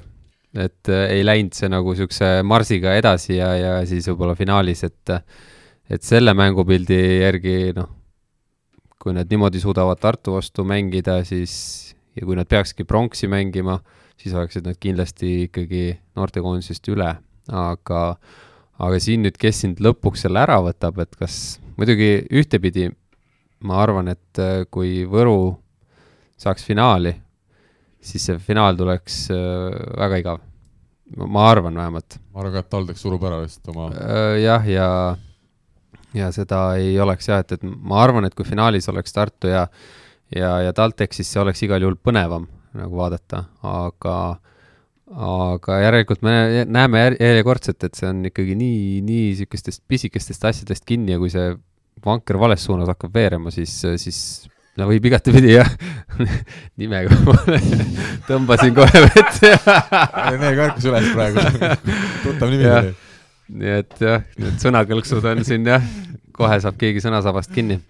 aga, aga jah, et kui, kui seal niimoodi nagu läks see asi, siis äh, seda pidama saada on raske aga, aga jällegi viimases mängus see on, see saab olema kõva närvide mäng, et äh, kellele siin eelist anda polegi. mis oli minu arust Tartu puhul äh, äärmiselt üllatav number, et äh, okei okay,, viis geimi küll mängiti selles viimases kohtumises, aga kolmkümmend neli viga rünnakul, jälle selline number, mida nagu naljalt ei näe. jah, et see näitab seda, kui nagu nii-öelda lost või, või kui, kui, kui mängust nagu sa ei noh sa ei, sa ei suuda enam neid asju jälgida, mis, mis peaks jälgima ja ja need otsevead on ikka no need, need söövad tegelikult kogu võistkonnast ennast, et et pigem juba siis jätta teatud hetkedel need pallid mängu ja, ja ja lasta vastasel ise need vead teha, et seda enam, et taseme mõttes on, on niimoodi, et noh, naiste võrkpallis üldse, et neid otse, otse pallid maha löödud nii-öelda nii väljakule on ikkagi noh, ei ole nii lihtne. et äh, aga otsevead, see on, see on päris, päris keeruline jah, võistkonnal edasi mängida niimoodi. üks asi veel, mida siin Võru poole lihtsalt äh, esile tuua, kuna nad on hästi esinenud, siis kiidame seekord neid, Kaisa Pahmatšev ikkagi tõestab, et äh, ta ei pruugi väga tõsiselt enam võrkpalliga tegutseda, aga ega ta sidemängijana kehv ei ole jätkuvalt, see puude ei ole kuhugi kadunud ei ole tal see puude kunagi ka kehv olnud. et need Hollas ja Graumann mängitakse minu arust päris hästi rünnakule, kuigi ma viimast mängu tunnistan, et ei näinud üldse, kuna valmistusin juba finaalmänguks, mis samal päeval Tartus toimus jah, et, et ise ka väga ei ole jõudnud jälgida neid, kuna enda mängud siin peale tulnud, aga aga tõesti, et äh, jah, need, need äh, naised, kes on, kes on neid finaale või, või seal kohamänge mänginud rohkem, eks nendel on praegu ka eelis, et äh, et Tartul on seal neid nooremapoolseid päris palju sees ja võib-olla, kes pole eelmised aastad selliselt niisugust äh, kandvat rolli mänginud, siis äh, siis, siis need niisugused äh, tõusud, langused võivad kergemini tulla ka. Rene võib tagasi mikri juurde tulla, sest äh, hakkame nüüd rääkima millestki, mis tegelikult meid kõiki üha rohkem huvitab. meistrite liiga finaalis mängivad siis meestest kahe tuhande kahekümne esimese aasta esimesel mail Poola esiklubi Saksa ja Itaalia hiid Trentino. Saksa pidas siis sarnaselt nädal varem peetud avamängule Venemaa pikaaegse juhtklubi kaasani seniidiga ülipõneva duelli, kui avamängus oli seniidil koduväljakul kaotada kuus matšpalli, ometi võitis kohtumise kolm-kaks Saksa, siis teises mängus ei suutnud omakorda Saksa kasutada ära viit matšpalli ja kaotas kohtumise kaks-kolm, nii tuli edasipääseja selgitamiseks lõpuks ette võtta kuldne game kus siis Nikola Krbitši juhendatav Saksa suutis ikkagi viisteist, kolmteist võiduga finaalipääsu tagada. ülipika pausi järel on meil poolakad üldse finaalis, äh, oli vist kaheksa aastat ja jahivad siis esimest tiitlit, Poola klubi jahib esimest tiitlit neljakümne kolme aastase pausi järel, Saksa loomulikult üldse oma esimese tiitli jahil on nüüd. Rene, sõna sulle, millised emotsioonid, enam vist põnevamat seeriat ei ole võimalik, ei, seda ei saa olla no esiteks ma ikkagi parandaks sind korra selle eelmise teema puhul, et äh, asi ei olnud selles, et mind ei huvita naiste võrkpall, lihtsalt ma olen ka varem öelnud, et ma ei ole selles liiga pädev, nii et ma parem hoian eemale. aga jaa, see poolfinaalseeria oli ikka ajuvaba jah, ütleme kõvemat võrkpalli, ütleme seeriat kindlasti, ma ei tea, kas on ausalt olnud, et seeriat kui sellist, et äh, no sellised matšpallid ei, me ei. ebareaalne, mõlemad mängud, no täie, täie raha eest algusest lõpuni et.... kas see oli tippklassist äh, mäng algusest lõpuni või oi,? oi-oi. no okei okay,, ütleme Saksa esimeses mängus alguses oli natuke sihuke, noh, ei olnud päris see Saksa, mida me oleme harjunud nägema. aga ütleme sealt äh, kolmanda game'i kuskilt kandist hakkas asi voolama ja siis, siis nagu oli head to head äh, lõpuni jah, et mis ei tähendaks, et asi oli nagu kuidagi halb või midagi, aga lihtsalt ütleme aga, aga see teine, teine mängija ja see oli ikkagi noh, noh, see oli ebareaalne, mis see viimased, need kaks lühikest game'i pluss neljas game, noh, see oli ebareaalne level lihtsalt ka, et ulme, mis asju seal üles toodi, et seal, sa mõtlesid selle mängu jooksul, ma arvan, mingi kümme kuni viisteist korda, et noh, nüüd on läbi, noh, ja ikka tuli mingi ühe käe mingi kaitse kuskilt või, või no mis imeasjad, noh, aga ütleme jaa, et see Saksal oli tegelikult lõpetada kindlasti mitu korda ja ütleme, võib-olla tavaolukorras nad oleks ka lõpetanud, näiteks Kašmarek seal mitte küll kõige parem ei olnud see tõste, et äh, tihtipeale, kui sul on isegi ühene plokk, aga kui see ühene plokk on õige koha peal ja hästi, hästi vastas, siis, siis ei olegi teinekord kõige lihtsam, on ju, aga, aga tal oli lüüa neljanda game'i lõpus üks-ühele seal, et äh, see oleks ka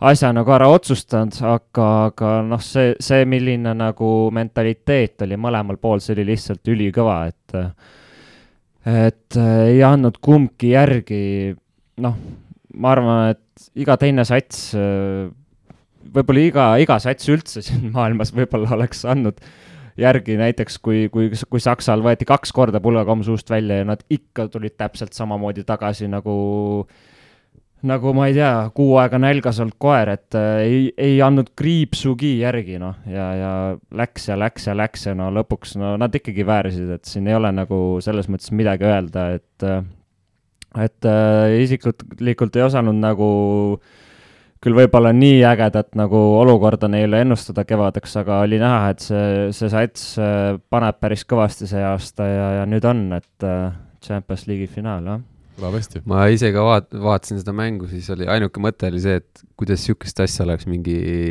suure publiku arvuga ikka, full, full house ja oleks, oleks see mäng olnud äh, ja seal kohapeal olla. ja me võime jällegi see... mõelda seda, et kui sellised mängud jõuaksid Eesti teleekraanile, siis uskuge mind, Eesti võrkpallisõbrad hakkaksid, või ütleme, mitte Eesti võrkpalli, vaid Eesti üldse spordisõbrad hakkaksid ka aru saama, kui lahe mäng see võrkpall tegelikult maailma tipus on. Jaa, see, see, selles mõttes need on jah, nagu ikkagi väga, väga, väga võimsad mängud siin, jah.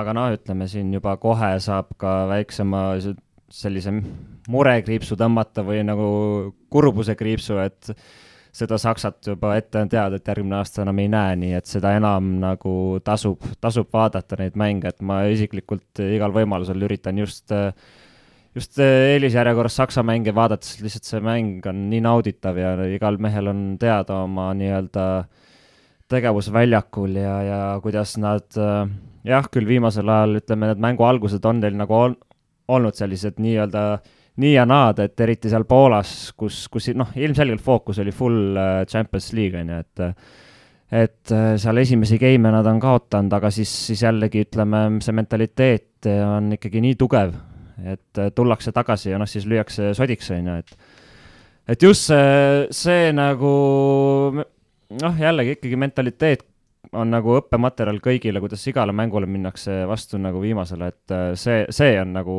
läbi hooaja see kõva asi olnud Kaczmarek, Semenjuk, Slivka, Poola mehed siis kõik olid äh, kolm resultatiivsemat äh, Saksa ridades ja Vladimir Alekno siis hoolealustest Maksim äh, Mihhailov kakskümmend seitse punkti pluss kakskümmend kolm ja Nkapet veel lisas kakskümmend kaks punkti pluss kuusteist, aga ei piisanud sellest.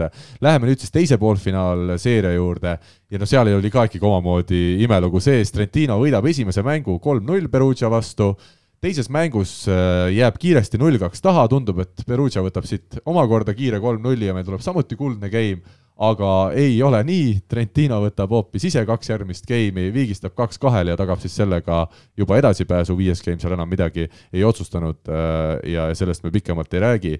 Äh, on meil hea meel Trentino üle või, või oleks tahtnud, et Perugia oleks Saksale vastu tulnud? Ei, igatipidi Trentino üle on hea meel, et äh, pole neid ammu finaalis näinud, viis aastat nad ei ole seal mänginud. ja, ja on, on see punt, kellega ütleme, ma ei taha öelda, et pidigi saama sinna finaali, aga, aga ütleme, kellelt oodatakse tulemusi ja, ja ja hea, et niimoodi läks, et aga, aga noh, Trento jällegi natukene näitas ka seda, et äh, et äh, see suurte mängude väristamine ikkagi kõik käib asja juurde, et äh, Nimir jällegi ikkagi ka mitte, mitte nii hiilgav kui, kui reamängudes, okei okay,, vastane oli ka tugev ja nii edasi, aga aga eks, eks ta ei ole ka mänginud, äh, ütleme, võistkonnas varem, kus, kus mängitakse ja oodatakse ja lausa nõutakse tiitleid ja asju, et täna, tänasel päeval ikkagi ma arvan, Trento Trento sats on selline, kus kõik alla võidu on nagu põrumine ikkagi ja, ja see selles mõttes võtab kõik aega, et äh, ei taha öelda, et ta on kehv mängija või midagi, et ma usun, teine aasta oleks tal kõvasti lihtsam juba, aga aga, aga nüüd ongi jah, et äh, alguses ikkagi see kõrbemine natuke jälle oli ja, ja Perugia selles mõttes tuli päris, päris vägevalt vastu sellele mängule, et äh, üldine ju foon ju tegelikult viimasel ajal oli, et noh, ei, ei olda parimas vormis võib-olla ja ja, ja mingid sisedraamad seal, pluss, pluss siis veel jah, Leon võib-olla ka ikkagi ei olnud enam nii värske, kui, kui nagu me oleme harjunud, et et ilmselgelt jäi tema peale liiga palju, pluss siis ka Hainen, Hainen ise nagu tegi mingit mingit X-asja seal natukene, millest võib-olla keegi lõpuni aru ei saanud, et see nagu vilja selles mõttes ei kandnud, aga ikkagi surus ja surus, et, et natuke tundus, et see rütm on ka nagu natuke laiali löödud seal, et et nüüd küll jah, poolfinaalis Itaalias küll võideti, aga ka mitte liiga veenvalt, et Monza, Monzale peaks Perugia ikka natuke kindlamini ära panema. Jah, et selles mõttes ma ka igal juhul Trento poolt olin ja, ja kuidagi viimasel ajal just on, Perugia ei ole kuidagi väga sümpaatselt olnud, et seal on jah, see, need muud seal niisugused sisedraamad ja, ja, ja mängijate niisugune noh, okei okay,, kõrvalejätmised ja nii edasi ja nii edasi, et ja kogu nende mäng on nagu käinud ikkagi nii üles-alla, et siis, siis igal juhul, et Trento oli noh, nagu me siin oleme ennem ka maininud, et et arvatavasti nad hooaja lõpuks lähevad paremaks ja paremaks, et äh, selles mõttes seda nad on nüüd tõestanud.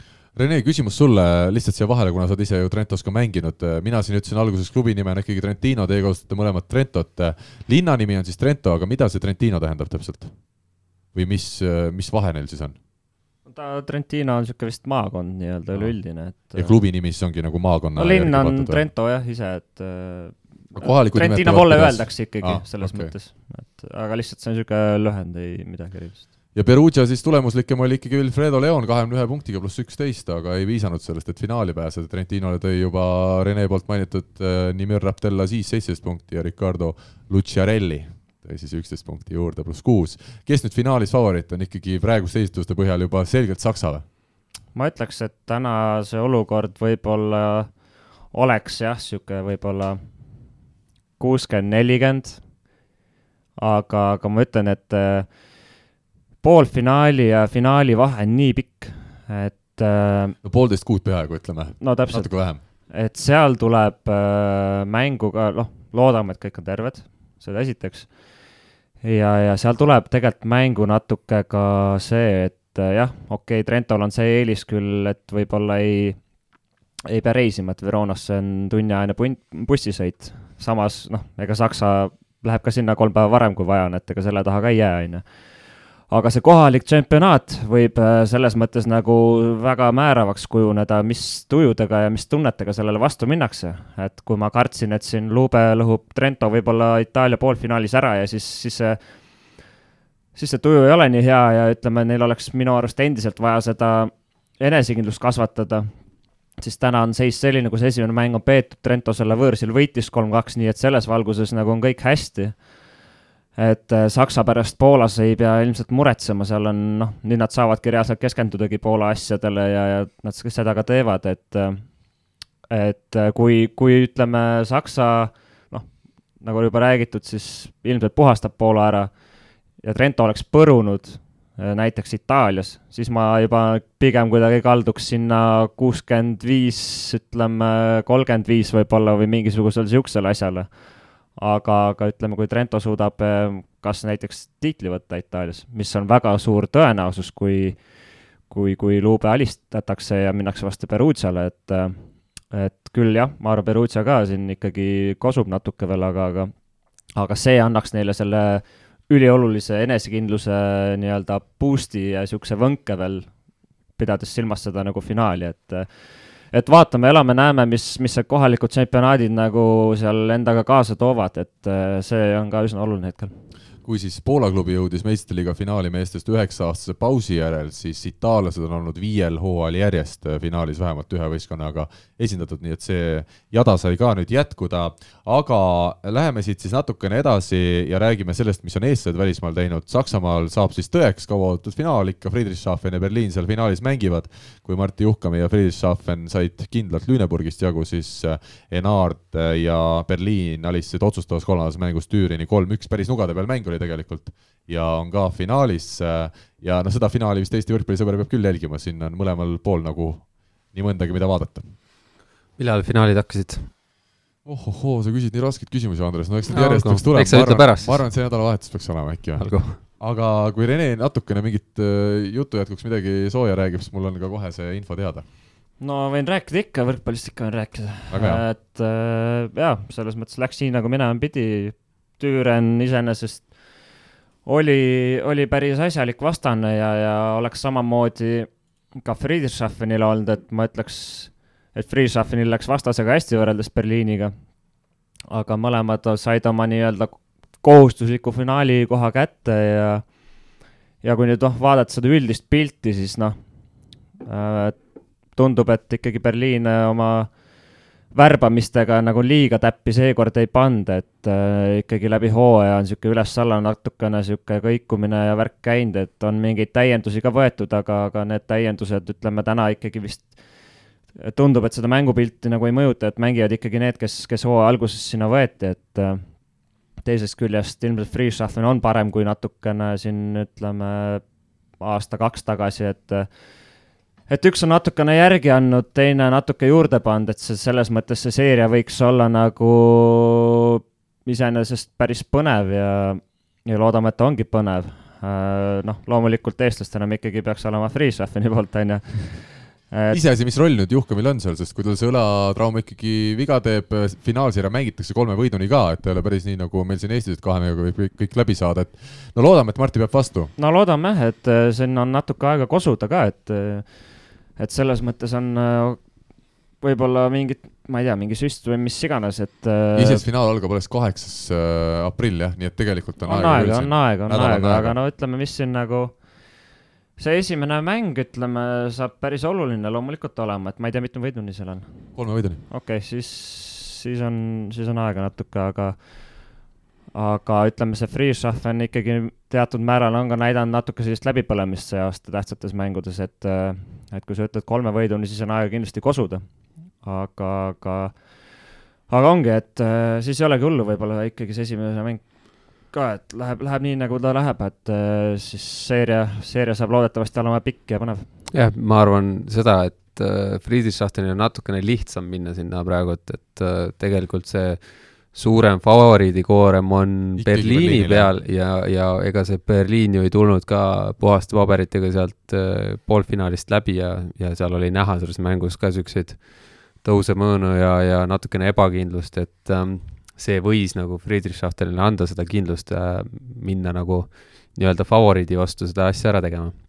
aga mis on siis huvitav, on see, et Berliinile anti selline eriluba ka publikut saali lubada seal poolfinaalis ja ja kaheksasada pealtvaatajat vist äh, sinna saali lasti, kuna saali mahub seal, mis pea kümme tuhat vist pealtvaatajat, siis äh, otsustati, et kümme protsenti lastakse, oli nad hästi ära hajutatud ja Enaard ütles ka, et see ikkagi annab palju juurde, olgugi et see saal jätkuvalt ju tundub peaaegu tühi, see kümme protsenti ei ole mingi meeletu määr, aga kui inimesed on saalis, see on teine tunne mängida. no muidugi see on jõhker tunne, on teistsugune tunne, et samamoodi, ega see no, näiteks tuua äh, üldse mingisuguseid põhjendusi, vabandusi otsimata, seesamune näiteks see neljas meie poolfinaalmäng siin Saaremaa vastu, et noh, on selline päev, kus on kuskilt abi nagu vaja ilmselgelt, et noh, võib-olla see, see publik oleks nagu midagi näiteks suutnud kaasa aidata, et oleks kas või ma ei tea, piinlik olnud eh, rahva ees mm, et kuidagi, ma ei tea, paremini tegutseda või mis iganes, et no ja kui me räägime veel, et Berliinis Max Schilling-Halle, noh,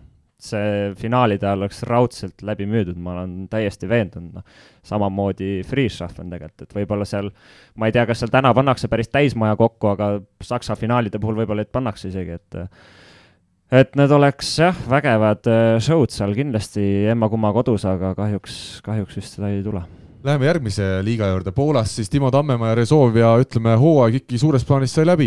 veerandfinaalseerias kaotati mõlemad mängud Belhatovile null kolm ja kuigi nüüd äh, ootab Rezovet veel viienda-kuuenda koha duell, siis kas ma saan õigesti aru, Rene ja Andres, et tegelikult poolakad ju on loobunud nendest madalamatest eurosarjadest, kuna nende jaoks need mängud on nii, ütleme, nõrga tasemega, et äh, ütleme, erinevalt Milanost, Itaaliast, kes ka sel hooajal lõi uuesti CEF Challenge Cupil kaasa ja lõpuks võitiski selle ära, siis poolakad seda teed ei ole läinud ja need, kes ütleme, jäävad meistrite liigast välja, need kas on isegi sisuliselt kõik loobunud siis kahest madalamast sarjast või? täpselt nii ongi jah, et äh, ka, ka sponsorluse mõttes on see ikkagi suurtel klubidel sees, et või vähemalt Belhatovis oli, ma eeldan, et see on mujal ka nii, et kui, kui on äh, Champions League, on eelarve üks, kui on tavaline Poola liiga, on eelarve niisugune, et äh, noh, eks seal on kulud ja kõik ka, aga, aga aga ikkagi jah, see Champions League on, et neli kohta Poolal on ja, ja ütleme, kõik muu selles mõttes ei loe, et äh, sisuliselt võib öelda küll, et Resove hooaeg on läbi ja ja, ja ütleme, päris kuidagi üllatav oli see lõpp natukene küll, et äh, Resovel jäi seal mingi mängupaus, päris pikk sisse äh, peale seda mõnusat Belhatovi võitu tookord, siis mindi Olstinisse, saadi päris, päris nukralt tuppa siis mängiti sõprusmäng äh, Suvalki vastu, kus iseenesest olevat pilt äh, täitsa tipp-topp olnud, aga siis tuli Belhatov ja tegelikult noh, ütleme see esimene mäng, kus nad kaotasid kolm-üks, see ei olnud emalt-kummalt poolt üldse nagu hea mäng, et äh, see oli selline väga närviline ja, ja ütleme, soperdamist kõvasti mõlemalt poolt, et mis oli võib-olla isegi üllatav, oli see, et kui kui Rezovia, ütleme, jäi null-üks taha ja peksis sodiks, ütleme, Belhatovi teises, teises game'is, siis sellel ei tulnud mitte mingisugust jätku.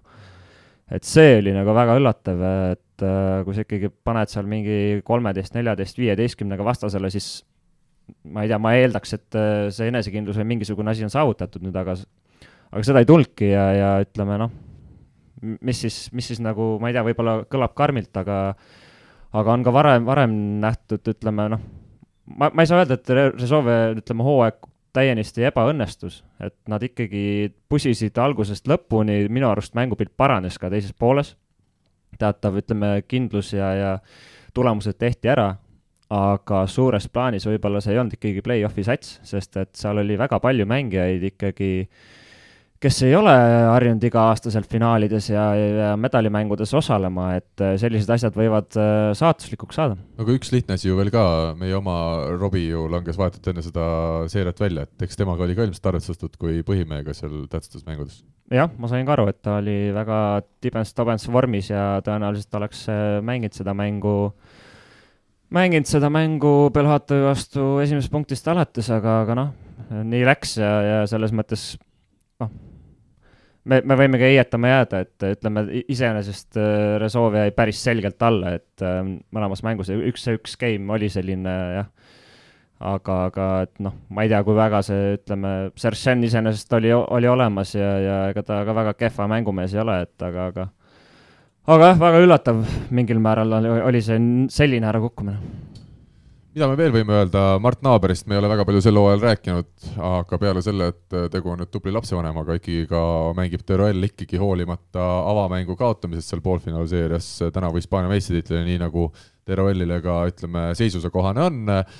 ma ei tea, kuidas meil Mardi seis on, ma saan aru, et ta on seal põhimees ja, ja toob punkte ka, nii et tundub, et kõik enam-vähem hästi. ja mingi õhtu vaatasin seal, ei, Mart ikka on kogu aeg platsil ja mm -hmm on ta edasi ka läinud, tundub sul sedasi mingi ühe no niimoodi on päris raske öelda, kas edasi, aga tundus küll, et ta oli seal platsi peal möllas korralikult ja, ja et äh, sellisest äh, vaiksest poisist, nagu esimene kord Tartus näha oli, et, et see pole sama mees enam. see ei ole enam sama mees, et seal on ikka jah, et äh, ma arvan, et väga, väga õige, õige koht, kus ta sai ja, ja ja, ja, ja praegult nagu tegelikult Hispaania meistritiitli peale mängida, et see on, see on omaette äge asi.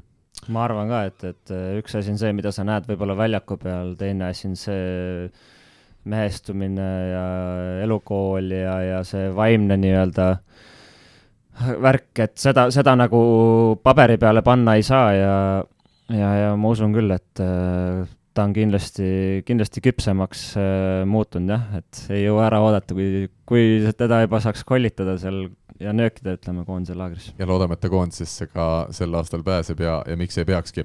aga üks huvitav asi, me siin naiste välismaal toimuvatest asjadest liiga palju ei ole rääkinud peale Kertu Laagi tänavusel siis ütleme klubihooajal, aga mis on põnev minu jaoks, et Polina Bratuhhina Bitu koduklubi siis Prantsusmaa kõrgliigas Derville on äh, neljandal kohal tabelis ja siis meie naistest, meil on seal ju palju erinevaid naisi sel hooajal meistriga mängimas, on, on just see Derville nagu kõige kõrgem ja kõrgemal ja, ja naiskond, kes heal juhul pidi jõudma play-off'i ehk kaheksa hulka, on hetkel vaata et medalikonkurentsis. küll Polina, ma ei tea nüüd, kas ta alati väga palju mängida on saanud, aga, aga tema ju abikaasa on ka võistkonna peatreener jätkuvalt, et niisugune päris huvitav lugu. Polina on praegult natukene vigastusega, on, on probleeme aga tõesti, et eh, kui me tavaliselt oleme näinud neid, eh, seda, seda võistkonda pigem seal allpool otsas, siis ta oli ju esiliigas ka veel mõned aastad, jah. et igati nagu tore näha seal üleval otsas, et ähm, ja saab olema ka huvitav selles suhtes näha, et kui Nete Peit on sel hooajal mänginud Eestis ja Kristiine Miilan ei ole ka väga palju mänguaega Prantsusmaal saanud, et siis kas Poliina on leidnud mingisuguse enesekindluse, kui ta nüüd vigastusest peaks ka välja rabelema, et siis kas ka Eesti koondises võiks ta olla potentsiaalne põhikoosseisu mängijaks, seda meil no suvel oli tegelikult päris hästi näha, et isegi kui ta tuli oma vigastuselt, viga, noh, ta oli, tuli siia, siis tal oli ikkagi veel alles Ahilkaga probleemid ja ja, ja aga tegelikult see, et sa nägid, kui, kui palju ta või kaua ta selles võrkpallis sees on olnud ju just sellisel tasemel, siis äh, isegi mitte kõige parema äh, vormiga ta suutis väga palju kasulikke asju teha ja tegelikult äh, nii mõnelegi, kes äh, oli terve suve juba korralikult tööd teinud, siis, äh, siis silmad ette teha, et, äh, et igal juhul seal, seal mängib hästi palju kogemused ja, ja see, kui kaua sa sellistes liigades mänginud oled ja lõpetuseks siis mainime Kertu Laagi ikkagi ka ära, Itaalias äh, on ta oma naiskonnaga jõudnud veerandfinaali. ja mis siis lõpetuseks öelda, kui prantslased tulevad koju. jah. lõpetuseks. seal ei ole, sa mõtled siis, eks ole, Ardo Kreek ja, ja Markus Keelt? nii et saavad koondiseks keskenduda? jah, Hardol oli seal kerge play-off'i lootus veel oli, aga ütleme, nad seal panid juurde hooaja teine pool mänguliselt, aga aga ütleme jah, see tulemus ei sõltunud otseselt iseendast ainult ja, ja ütleme, Poitiers mängiski Markuse klubi Nice'i vastu ja noh, ütleme, Poitiers ikkagi on selgelt parem kui Nice, et, et see, see, see jäi juba selle taha, et, et mõlemal mehel Nice'il selles mõttes nii-öelda mingi eesmärk täidetud ja jäädi püsima ja, ja Hardol siis natuke jäi play-off'is puudu ja koht, kohti seal välja ei mängita, nii et varsti saavad mehed puhkama hetkel, mil me järgmist saadet lindistame, on juba teada nii Eesti meister kui ka Eesti meistrivõistluste kolmanda koha omanik, saab siis näha, kas Tartu Bigbank lõpetab finaalseeria Saaremaa vastu kohe teise mänguga kolmapäeval ehk täna õhtul ära Kuressaares äh, igatahes seitsmeaastase pausi järel Tartul on võimalus siis Eesti meistriks tulla ja kuuldavasti Andrei Ojamets on ka Tallinnast sõitmas Kuressaare poolde puhtalt siis selleks äh, mänguks ja pronksi seerias võimalus Selveril võtta neljapäeval Pärnu vastu teine skalp ja, ja võtta need pronksmedalid siis Tallinnasse kaasa Pärnust. Läheb nii vist? on teil selline plaan neljapäevaks ette seatud? julgesin mitte midagi öelda ei no plaan on selge, plaan on äh, lihtne, plaan on äh, Selveril võita kolmas koht, plaan on Pärnul äh, seeriat pikendada, plaan on Tartul võita tiitel, plaan on Saaremaal pikendada seeriat, noh, nii ongi ja rohkem ei olegi midagi lisada. jah, ja sellise plaanivahenduse pealt me lõpetame tänase saate, aitäh kuulamast ja kohtumiseni uuesti nädala pärast. tšau. Eesti kõige põnevamad podcastid on Delfis, kuula tasku.delfi.ee